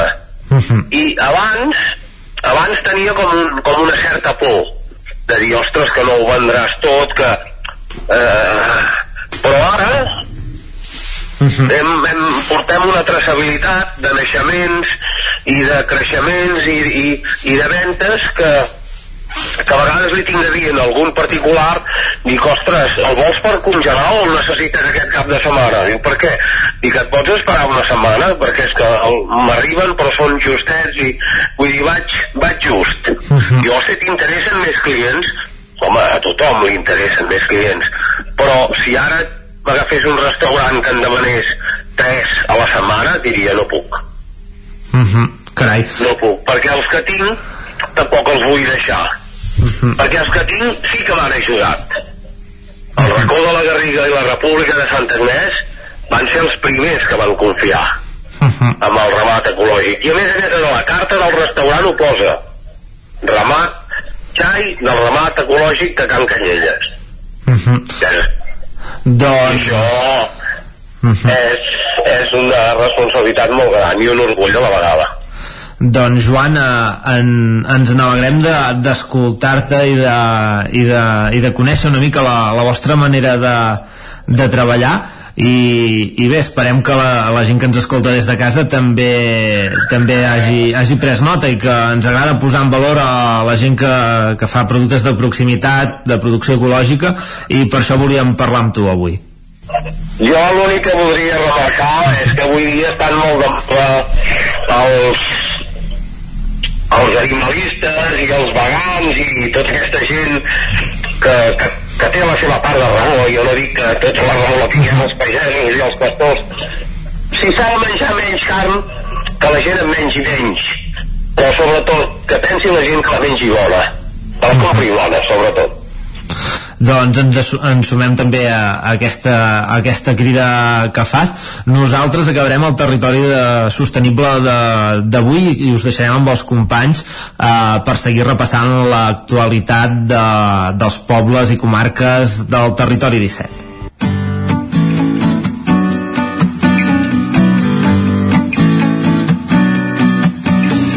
Doncs moltes gràcies Jordi Givert per aquest nou territori sostenible, avui centrat en xai ecològic del Vallès Oriental. Ens ha fet una mica la boca aigua, eh? però bé, ara el que hem de fer és fer una breu pausa, tornarem a dos quarts en punt fent un repàs de propostes culturals per al cap de setmana. Fins ara. El nou FM, la ràdio de casa, al 92.8. Pensat canviar la caldera o posar aire condicionat, posa't en mans a Pradell. Tenen les millors ofertes. Pradell instal·la calderes de biomassa, calderes de condensació, aire condicionat tant per a particulars com per a empreses. Apunta, Pradell, Avinguda Països Catalans, número 27 de Vic. Telèfon 93 885 11 97. Repetim, 93 885 11 97. Anuncia't al 9FM. La màquina de casa. 9 3 8 8 9 4 9 4 9. Publicitat arroba al 9FM.cat. Anuncia't al 9FM. La publicitat més eficaç. Nou restaurant Samsara Vic. Vine a provar el nostre sushi, plats japonesos i asiàtics. Bufet lliure cada migdia a les nits i als caps de setmana. També disposem de menú infantil. Restaurant Samsara. Vine i et sentiràs en un altre món. Obrim de dimarts a diumenge. Ens trobaràs al carrer de la Fusina número 2 de Vic, a prop del Banc Santander i de la botiga Orange. O si ho prefereixes, truca'ns al 93 146 82 89. Vine al racó del León i celebra la rebitlla de Sant Joan. Menú especial, coca de Sant Joan i llangonissa per tothom. Gaudeix de la rebella de Sant Joan al racó del León, carrer Torelló, número 35 de Vic. Fes la teva reserva al 93 889 19 50. Cocodril Club. Si t'agrada la bona música dels anys 60, 70 i 80, escolta el 9 FM els matins de dissabtes i diumenges d'11 a 1. És el temps del Cocodril Club, tot un clàssic de la ràdio, amb les bases del pop-rock, les llegendes, les cançons que s'han convertit en autèntics himnes. Recorda, dissabtes i diumenges al matí, d'11 a 1, al 9 FM 92.8. Cocodril Club, el programa revival de l'Albert Malla. Hasta luego. Arriba la tretzena fira de la ratafia de Centelles. L'11 i el 12 de juny vine a descobrir tots els secrets d'aquesta beguda mil·lenària. Hi trobaràs parades per conèixer tots els tipus, xerrades, tallers pràctics per fer la teva pròpia ratafia o remeis casolans i coneixerem el guanyador del 13è concurs de ratafies casolanes de Centelles. L'11 i el 12 de juny tens una cita amb la ratafia a Centelles. Animals domèstics. Centre Caní Monteferrari. Residència, escola canina i educacions a domicili. 30 anys d'experiència. 622 41 61 16. monteferrari.cat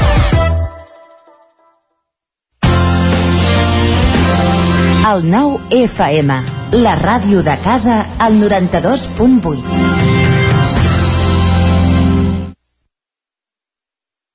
Territori 17. Dos quarts de dotze en punt, seguim en directe a Territori 17 i el que toca ara, com sempre els dimecres, per anar tancant el programa és fer un repàs a l'agenda de propostes culturals per aquest cap de setmana, un cap de setmana marcat, entre d'altres, per exemple, pel Cabró Rock, el, gran, el primer gran festival d'estiu que es fa als països catalans. Però hi ha moltes altres activitats i les repassarem de seguida a l'agenda de propostes culturals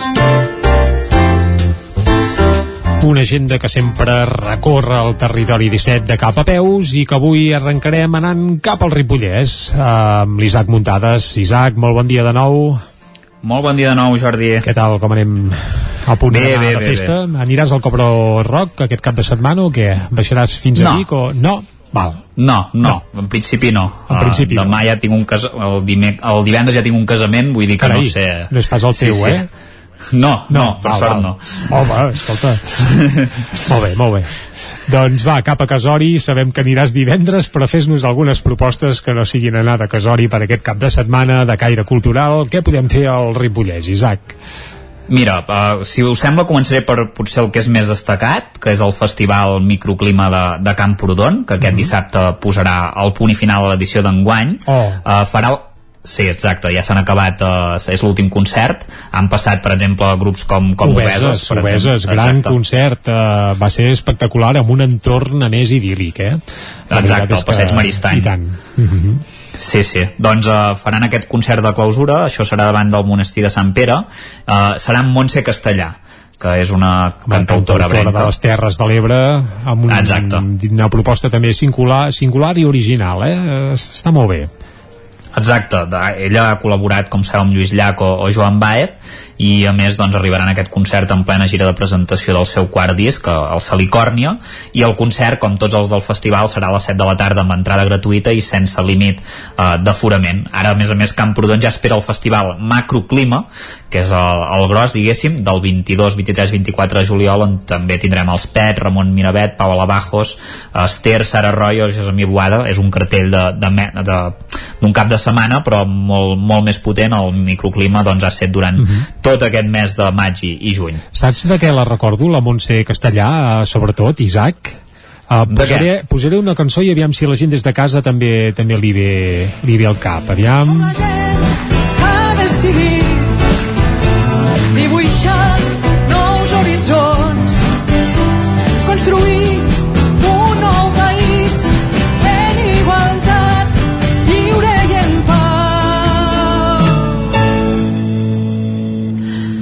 els ulls dona'm la mà. Doncs aquesta és l'actuació que va fer la Montse Castellà al concert de retorn de Lluís Llach al Palau Sant Jordi de Barcelona just abans de Nadal. Un concert, eh, bé, que els que hi vam ser doncs, evidentment va tenir alt i baixos però va tenir alguns moments doncs, prou, prou divertits, com per exemple la presència això de la Montse Castellà amb aquesta peça, en aquest cas una peça seva i també va interpretar una peça del, de Lluís Llach, sí, sí Mm -hmm. i va fer cantar tot el Palau Sant Jordi i Riu és vida, goita-la, goita-la parleu molt bé Tartosí, gràcies Bé, va ser molt entranyable. seguim, Isaac, sí, seguim. Sí. Uh, tenim ara de Tortosa, diguéssim, ens en anem cap, a, cap aquí al Ripollès, uh, perquè músics del Ripollès, perquè aquests, uh, uh Mhm. -huh. aquest cap de setmana els Randallaires celebren el seu 21è aniversari. Carai, uh, 21 anys ja exacte. de randallaires, aviat és dit, això. Exacte. Uh -huh. Podria ser l'últim concert, eh? Què hem, dius? Els hem, entre, els hem entrevistat uh, a la veu de Sant Joan i ens han confessat que, que podria ser el seu últim concert, que està una mica planejat així, però que potser acabaran tocant, eh? Mai se sap, eh? Amb els randallaires. Bueno, si fan com Lluís Llach, mira, al cap de d'allò Sí, encara en fa un altre, vull dir, no es pot dir mai d'aquesta aigua no en veuré. Mm. Exacte. Els tindrem a la plaça del monestir de Ripoll a les 10 de la nit. Hi haurà sorpreses, eh? Hi haurà cantants importants també que els acompanyaran, una quinzena de músics. Se'n Tindrem pot avançar ex... algun o què? Sí, sí, sí, sí, i de grossos, eh? Uh, ex Charango, Sergi Carbonell i Marcel Lázaro, que cal dir que havien tocat amb ells uh, doncs, a la banda quan eren més joves. Carai. Hi haurà un membre històric del grup, el Tall, Uh, ja sabeu de qui parlo segurament Home, uh, sí, sí. Cant dels Maulets quan el mal ve del Mansa lo tio Canya mare de Déu, ens emocionem només de pensar-hi Isaac doncs, doncs tindrem Miquel Gil tindrem Miquel Home, Miquel Gil. Gil, i a més amb una carrera, una carrera en solitari, perquè clar, el tall, Miquel Gil els va deixar molt abans ja de que pleguessin veles, segurament una de les veus més uh, destacades, Bé, perdó, eh, ara m'he posat a imitar el Miquel Gil, però sí, sí, Sí, sí, quina veu, quina veu, quina veu. És aquesta. I, i bé, tindrem molt, moltes coses eh? cantarines, eh, Ricard Jiménez eh, hi haurà esbar, l'esbar de Ribes de Freser, la dansa als clavells hi haurà una mica de tot, eh? també hi haurà una mica de folklore i, i cultura popular per dir d'alguna manera. Eh, després, per eh, una altra cosa de música. Aquest diumenge a Sant Joan de les Abadeses hi haurà un concert de 50 músics a escena al monestir. S'interpretaran Glòria d'Antonio Vivaldi i altres obres de Händel i Mozart. Serà a dos quarts de set de la tarda i participaran la Capella Música de l'Orfeó Badaloní, la Coral Tianenca, l'Orquestra de Cambra Inillo Tempore i hi haurà les cantants Esther de Santos com a soprana, Alexandra Timofejeva com a mezzo- mezzo-soprano i Jordi Sánchez Carós a la direcció eh, musical. I tres coses de, de Ripoll perquè ara, ara retrocedim, eh? anem, a, anem al divendres a dos quarts de set de la tarda a la Biblioteca Lambert Mata. Es presenta aquell llibre Trencant barreres dones pioneres a la Catalunya al segle XX de la historiadora Soledad Bengochea Echaondo uh, això és una de, de les coses que es farà També hi haurà un recital poètic en benefici de, de Càritas que es titula Goig de la Paraula. Uh, hi haurà 10 poetes, uh, recitaran 10 poetes de la Terra, per exemple, com Jacint Verdaguer, Josep Carné, també Pilar Cabot, d'aquí també de, De de la comarca d'Osona, exacte, Pere Quart, Maria Mercè Marçal, una mica també pesos pesants, vull dir, hi haurà una mica tot Joan Salvat Papaseit, i recitaran Dolors Vilaplana, a Ramon Alabau, evidentment de, de Ripoll, que és un clàssic, Eva Curto i, i Aina Pellicer estaran als violoncels també donant una mica de- d'ambientació musical. Això serà a la sala Bat Sant Just el divendres a les 8 del vespre. I per acabar, ara sí, eh, també aquest divendres, al Teatre Comtal, a dos quarts de nou del vespre, una altra eh, obra de teatre del cicle de teatre de prop íntims, L'amor, es titula l'obra, no és per mi, va dir Medea, i és de, de Caral Riera. Uh, hi haurà les actrius Rosa Cadafalch i Patricia Mendoza i, i bé, hem de dir que ha guanyat uh, forces premis, ja ha estat nominada i, i finalista en alguns premis importants vull dir que és una obra força interessant val 7 euros per a aquells que, que s'hi vulguin apuntar Isaac, moltes gràcies. M'he apuntat A aquest concert dels rendallaires, eh? Això serà una bomba, eh? Sí, sí, Miquel Roig, eh? Va. Ai, Miquel Roig, Miquel, Miquel, Miquel Gil. Sí, Miquel Roig seria un altre que Miquel també Roig és un altre, també és, també és cantautor, però no, no seria el cas. Moltes gràcies, Isaac. I del Va. Ripollès, del Ripollès anem ara cap a l'entorn d'Ona Codinenca amb la Caral Campàs. Caral, molt bon dia de nou. Bon dia. La Caral, que aquest cap de setmana no sé si també es deixarà caure pel Cobro Rock de Vic o, o no, Caral. En principi no, me'n vaig cap a la, la Garrotxa a un càmping. Oh, carai, goita, goita, quins Sí. plans. Uh, bé, a més, sembla que serà un cap de setmana de molta calor, per tant, a la Garrotxa sempre hi ha fresca i ombra i segur que s'hi està molt bé. Va, però ens proposaràs alguna activitat per fer per l'entorn de Sant Feliu i això. Uh, Sí. Què podem fer, Mira, Caral? Va, si no anem a la començo- Garrotxa. No, començo per Sant Feliu precisament, si et sembla. Um, us porto una proposta teatral. Uh, aquest dissabte els jubilats de Vigues i Riells i els jubilats de, de Sant Feliu de Codines organitzen um, una tarda de teatre d'humor. Um, serà, estarà dividida en dues parts i tot començarà a les 6 de la tarda al centre cívic. Um, uh, primer hi haurà l'obra de teatre Què passa al despatx d'un advocat uh, i més tard uh, es, es posarà en escena uh, Lo casament d'en Saldoni i la Margarida. Uh, aquestes dues obres, com us deia, es podran veure al Centre Cívic de Sant Feliu uh, aquest dia 11 a partir de les 6 de la tarda. Uh, I a Cantes de Montbui tenim, segueixen dues exposicions de les quals ja us he anat parlant, però bé, us les recordo perquè encara es poden visitar. Um, una és el, el Museu Termàlia, és una exposició sobre uh, el Manolo Hugué amb, amb fotografies de, de Marc Pobo i entrevistes a persones que, que van conèixer de primera mà a Manolo Hugué.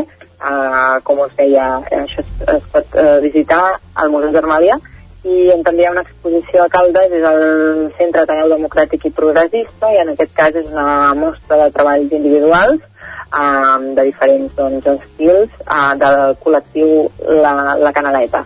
Després, aquí a Caldes de Montbui tenim, tenim també una proposta musical, uh, és que l'Escola de Música Joan Valls de, de Caldes ofereix durant tot el mes de juny diferents propostes musicals i la primera d'elles és, com us deia, aquest divendres serà a la Biblioteca Municipal a partir de les 2 quarts de vuit del vespre i serà un concert de mini flaustaf, eh, que és un grup de flautes i, i violoncels. També les propostes de l'Escola de Música Joan Valls eh, s'allargaran eh, el 17 de juny, 22 de juny i 28 de juny i altres propostes de les que us en parlaré més endavant. Molt bé. I eh, acabaria amb tres eh, propostes al Moianès. Um, dues de musicals. La, la primera és a Santa Maria d'Oló. L'Aula Municipal de Música de Santa Maria d'Oló organitza un concert de combos aquest dissabte a partir de les 8 del vespre a l'aparcament de la plaça Sant Antoni Maria Claret amb l'Orquestrina. Després, a Granera hi ha el festival Viu la Música al Parc, eh, serà aquest dissabte a les 6 de la tarda per un preu de, de 10 euros eh, i l'aula de cant i grups instrumentals del Conservatori de Sabadell oferirà amb l'òpera Vido i Anís. Eh, serà al casal de, de Granera, com us deia, per un preu de, de 10 euros. I acabaria amb, amb Monistrol de Calders, aquí torna el Festival d'Art Urbà Murmurs, serà mm, des de divendres i s'allargarà fins a diumenge, Uh, aquest divendres a les 8 del vespre a Cal Ros s'inaugurarà una exposició col·lectiva dels artistes convidats. Després, dissabte al matí hi haurà un taller de, de grafiti um, i altres activitats també, i a la tarda tot es concentrarà al camp de futbol. Hi haurà um, doncs, una actuació de Don Flores Juber, um, un malabarista, humor, comèdia, després a les 9 del vespre hi haurà sopar i a la nit hi haurà actuacions musicals a la primera amb James White Experience que serà un concert de funky i més tard a partir de les 12 de la nit a Ivan Ovid. Després diumenge al matí hi haurà taller de, de, la, de malabars i migdia hi haurà un, un vermut que farà de, de client de, de, del festival déu nhi déu quin cap de setmana de propostes, que ja sabem que no t'estaràs perquè estaràs a la Garrotxa, eh? Sí. Gaudint de la fresca de la Fageda d'en Jordà, per exemple. Caral, moltes gràcies. A vosaltres, merci. I dona Codinenca amb la Caral Campàs. El que farem ara és anar cap a Ràdio Cardedeu amb l'Òscar Muñoz, que també ens farà uns quants consells culturals per aquest proper cap de setmana. Bon dia, Òscar. Bon dia, doncs sí, comencem el repàs cultural molt breu aquest cap de setmana Bé, més que, més que l'Òscar, ara el que escoltàvem era l'estaca, això és fantàstic, però clar, eh, encara amb al concert de, de Lluís Llach, eh? Ara sí que tornarem a donar pas eh, a l'Òscar Muñoz des de Ràdio i Televisió de Cardedeu. Òscar, ara sí, bon dia. Bon dia, doncs sí, comencem ara. el repàs cultural molt breu d'aquest cap de setmana, ja perquè ja sigui Granollers amb tota l'oferta de oci i fires o directament que està al, al, al territori ocupat per la Cantània o aquí Cardedeu mateix eh, és, un, és un cap de setmana doncs, com hem comentat això una miqueta més calmadet. Eh, podem destacar dissabte a Cardedeu a les 12 al museu hi haurà la visita guiada per descobrir a la Micaela Martorell una dona de la farmàcia Balvei de l'arxiu Tomàs Balvei de Cardedeu i això serà una visita guiada i teatralitzada al museu per conèixer doncs, a la Micaela Martorell i la seva relació amb la farmàcia. I doncs, també doncs, coneixerem la farmàcia en clau de dona amb l'Eida Moré i el Marc Felipe. Doncs ens faran una representació eh, per posar-nos en context d'aquella època a la farmàcia Balvell com hem comentat serà dissabte a les 12 de 12 a 1, una horeta per anar a l'arxiu Tomàs Balvell a Llinars divendres a les 7 uh, dins d'una de les sales més grans del Castell Nou de Llinars, a la sala noble del Castell, es farà la presentació de Llaços de Sang de la Teresa Sagrera i el Ramon Guasc seran aquests dos autors a la sala noble del castell per presentar el llibre Llaços de Sang. I també a dissabte, el dia següent hi haurà doncs, un dissabte ple de circ al Castell Nou hem comentat que divendres la presentació del llibre al Castellnou, doncs dissabte hi haurà una jornada de circ que començarà a dos quarts d'onze fins a dos quarts de, de dues del migdia hi haurà doncs, jocs de circ per tota la família a la Pineda del Castellnou i per la tarda hi haurà dos espectacles uh, el primer a dos quarts de sis espectacle de carrer Els secrets del Mr. Stromboli de la CIA al que maqueta de teatre doncs això faran aquest espectacle eh, al voltant del Castell Nou. I a dos quarts de deu estarà l'espectacle Flow Papagayo de la CIA Mumusic Circus. Doncs això, un dissabte ple carregat de circ al Castell Nou de Llinars del Vallès. I mm. doncs això, a Granollers poca cosa a comentar, destacarem més divendres que ve amb els mercats i les fires. Molt bé, doncs moltes gràcies, moltes gràcies Òscar Muñoz, ens feia gràcia quan comentaves la CIA, la CIA com si fos aquí qui sap què, clar, la companyia, evidentment les companyies que amb el diminutiu de CIA doncs es presenten arreu del món, per exemple aquests indrets del Vallès Oriental on hem citat. I ara acabarem el recorregut de propostes culturals per aquest cap de setmana anant cap a Osona i allà hi tenim en Jordi Vilarrodà que ja l'hem escoltat avui, eh? els butlletins informatius ens ha fet una aparició estel·lar. Jordi, molt bon dia de nou. Bon dia, bon dia. I aquest cap de setmana hi ha molta activitat, com sempre, força caliu, però si hi ha un titular potser és el Cabró Rock, eh? Efectivament. i sense restriccions. Efectivament, el Cabró Rock és aquest festival que es fa a Vic, eh, que va començar l'any passat. De fet, era un festival que havia de començar l'any 2020, ja, i que evidentment per raons òbvies el 2020 no va poder ser, que va començar la seva primera edició l'any 2021 amb la particularitat de que va ser el primer festival multitudinari que l'estiu passat es va fer a Catalunya, allò Tot i que- multitudinari vol dir posar-hi més de 1.000 persones en un escenari a l'aire lliure, o de fet van ser, si no recordo malament, unes 2.000. Amb Va ser- cadires, això sí, exacte. amb cadires, això sí, però esclar, va ser el primer festival de l'estiu passat que es va veure una concentració d'aquest nivell. Mhm. I les cadires hem de dir que en algun dels concerts van ser, diguem, eh, per complir la normativa. Eh, I la gent al principi s'hi va asseure, però mm, després, al cap d'una estona, les cadires ja passaven a ser una nosa i la gent... Va ser el primer dia que vam veure unes escenes de normalitat, diguem, després de la pandèmia, encara que fos incomplint totes les prescripcions del Departament de Salut i, I amb aquestes mascaretes, coses. per cert, I amb mascaretes. Clar. I amb zones separades per menjar i beure que un no es podia endur la cerveseta o l'entrepà a la cadira, sinó que havia de menjar i beure en un tancat expressament perquè, és, és a dir, les normatives ara no ho recordem. D'això fa un Clar, any clar, no només, podies eh? anar a fer el got a davant de l'escenari. No, no, anaves a comprar la teva cerveseta, te n'anaves al tancat de fer el got i després, en tot cas, tornaves cap a la cadira. Ai, és a dir, que, que això era molt seriós això l'any passat Sí, sí, sí. fa un any, eh? fa un any d'això però aquest any, com dèiem, torna el Cabró Rock en plenes facultats, eh, aquest festival que és organitzat per la sala de concerts La Cabra de Vic eh, pels seus promotors i aquesta vegada torna amb un cartell molt més complet que el de l'any passat amb uns horaris que ja són els de festival perquè és clar, no oblidem que també l'any passat una de les coses que passava Clar, és que els horària. concerts es havien d'acabar, si no recordo malament com a màxim a la una de la matinada Uh -huh, correcte. i aquest any doncs, ja hi ha dos dies de concerts amb plenitud d'horaris des de mitja tarda fins a la matinada i amb un cartell molt més ampli entre els quals, per exemple doncs, eh, esmentem alguns grups el divendres dels primers doncs, que actuaran així de noms destacats hi haurà de Tiets i després els Manel.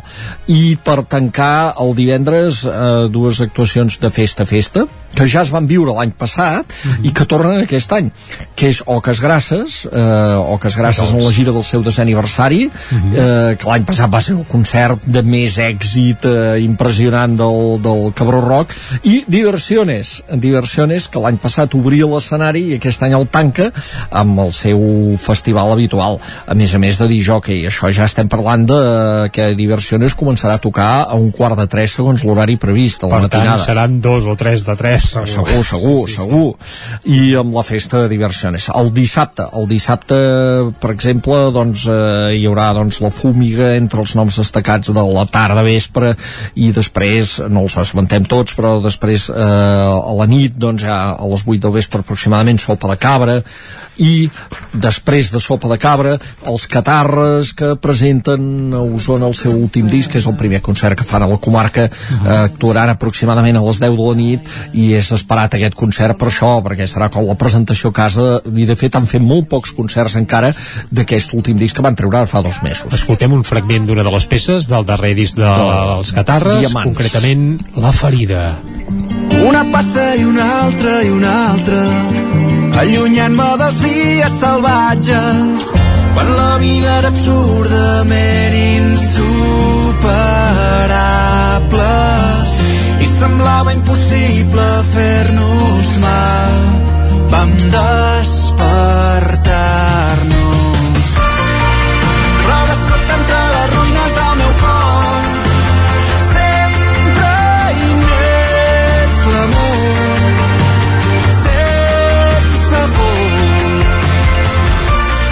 Segur que la ferida sonarà al Cobro Segur, Rock, eh? segur. Una peça d'aquestes de llagrimeta.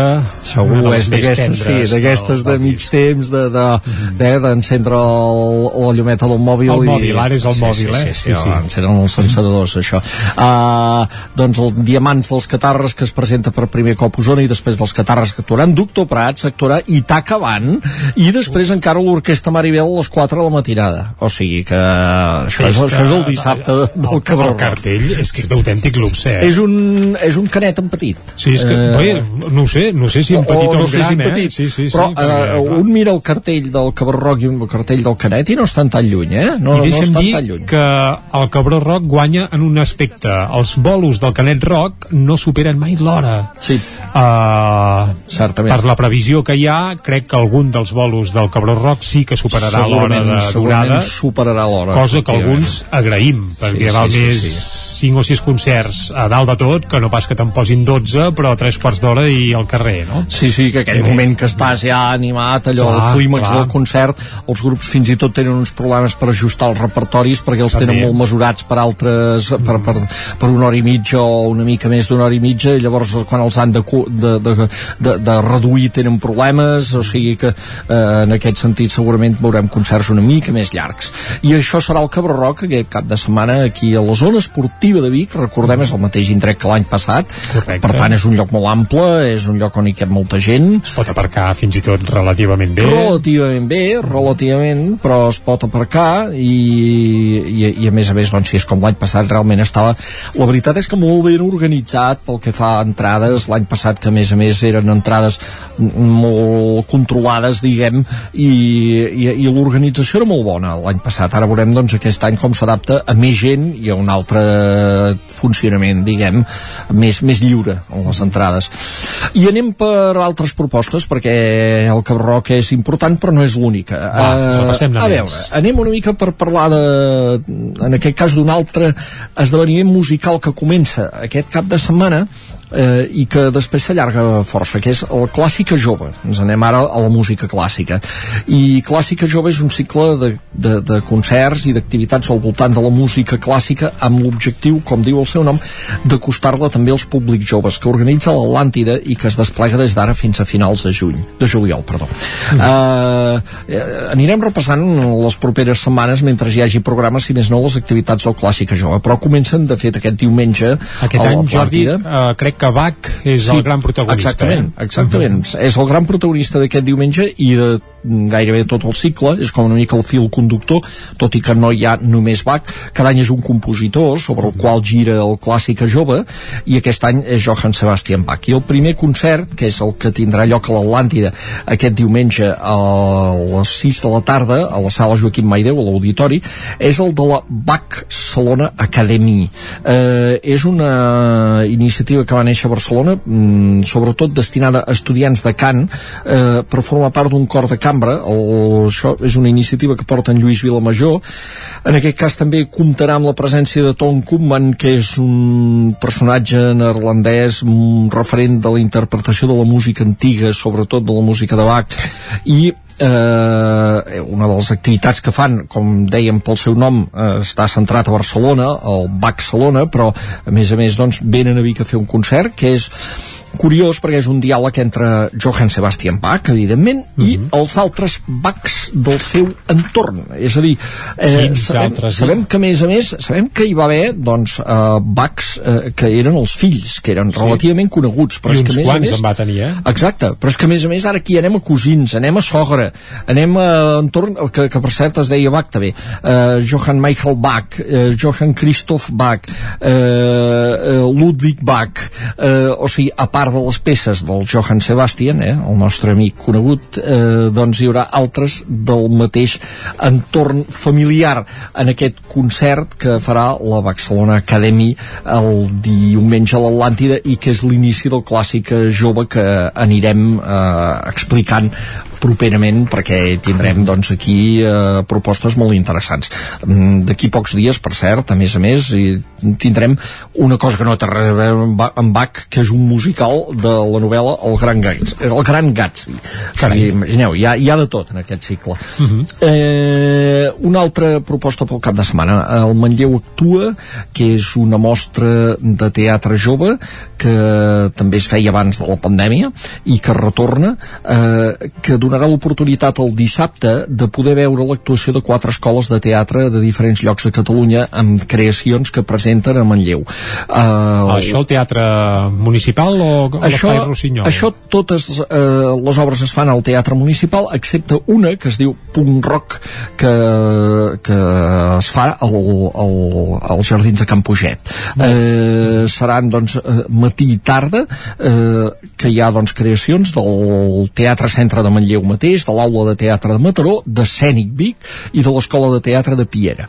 I, de fet, és una mena d'iniciativa que ja ve d'antic, eh, l'organitza la Fundació Antiga Caixa de Manlleu amb el suport de l'Ajuntament perquè es trobin diferents escoles de teatre de Catalunya amb les seves creacions. Doncs una iniciativa fantàstica aquest cap de setmana a Manlleu. A Manlleu. Anem per una altra proposta que és eh, Call d'Atenes, en aquest cas, eh, el diumenge també, perdó, el dissabte a les 7 de la tarda al Teatre Auditori eh, és un concert de primavera conjunt entre dues corals, que és la coral Cantana del barri de Santana, de Vic, De Vic, i les veus de Call d'Atenes. Són dues corals que, mm, què tenen en comú? Doncs corals amateurs, però que a més a més comparteixen la mateixa direcció que és a càrrec de la Gemma Solà. Llavors cada una de les corals ha preparat un repertori diferent que es basa en musicals, un repertori de cinc peces cada coral, i després al final faran dues cançons conjuntes, entre les quals doncs, una peça dels, dels Miserables i una altra de Mar i Cel, que aquestes les faran els dos, les dues corals juntes, amb acompanyament musical de Pep Sardà al piano i Marcelí Droguet al saxo i la flauta travessera. Tot això és a, a Call d'Atenes el dissabte a les 7 de la tarda.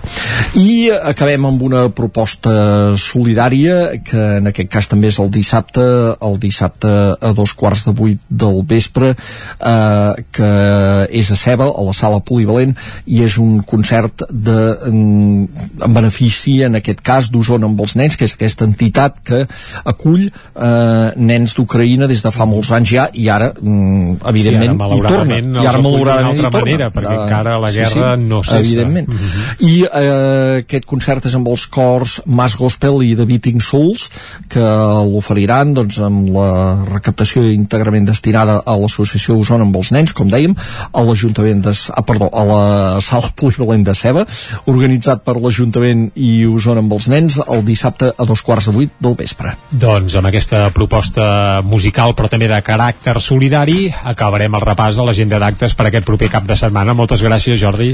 moltes gràcies i si voleu saber més coses sobre el Cabarroc a la Tremoia, al Nou TV Exacte, ostres, quanta feina avui. Va, Jordi, que vagi molt bé. Salut. Molt bé.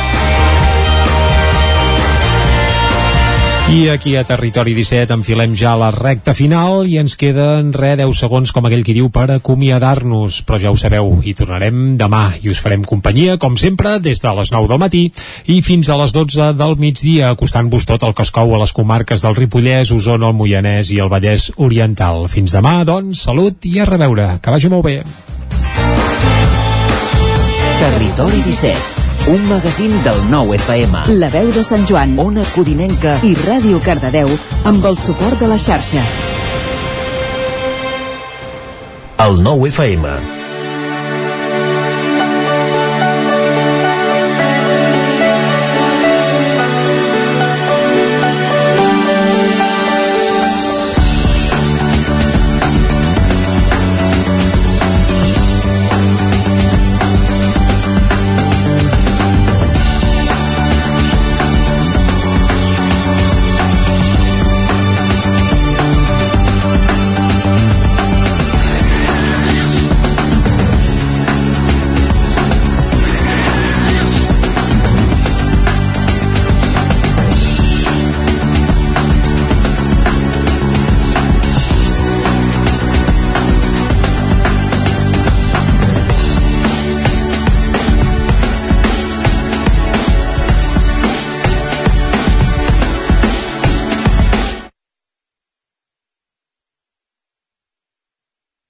El nou FM, la ràdio d'Osona.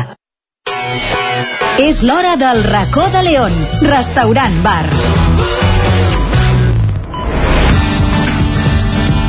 El nou FM.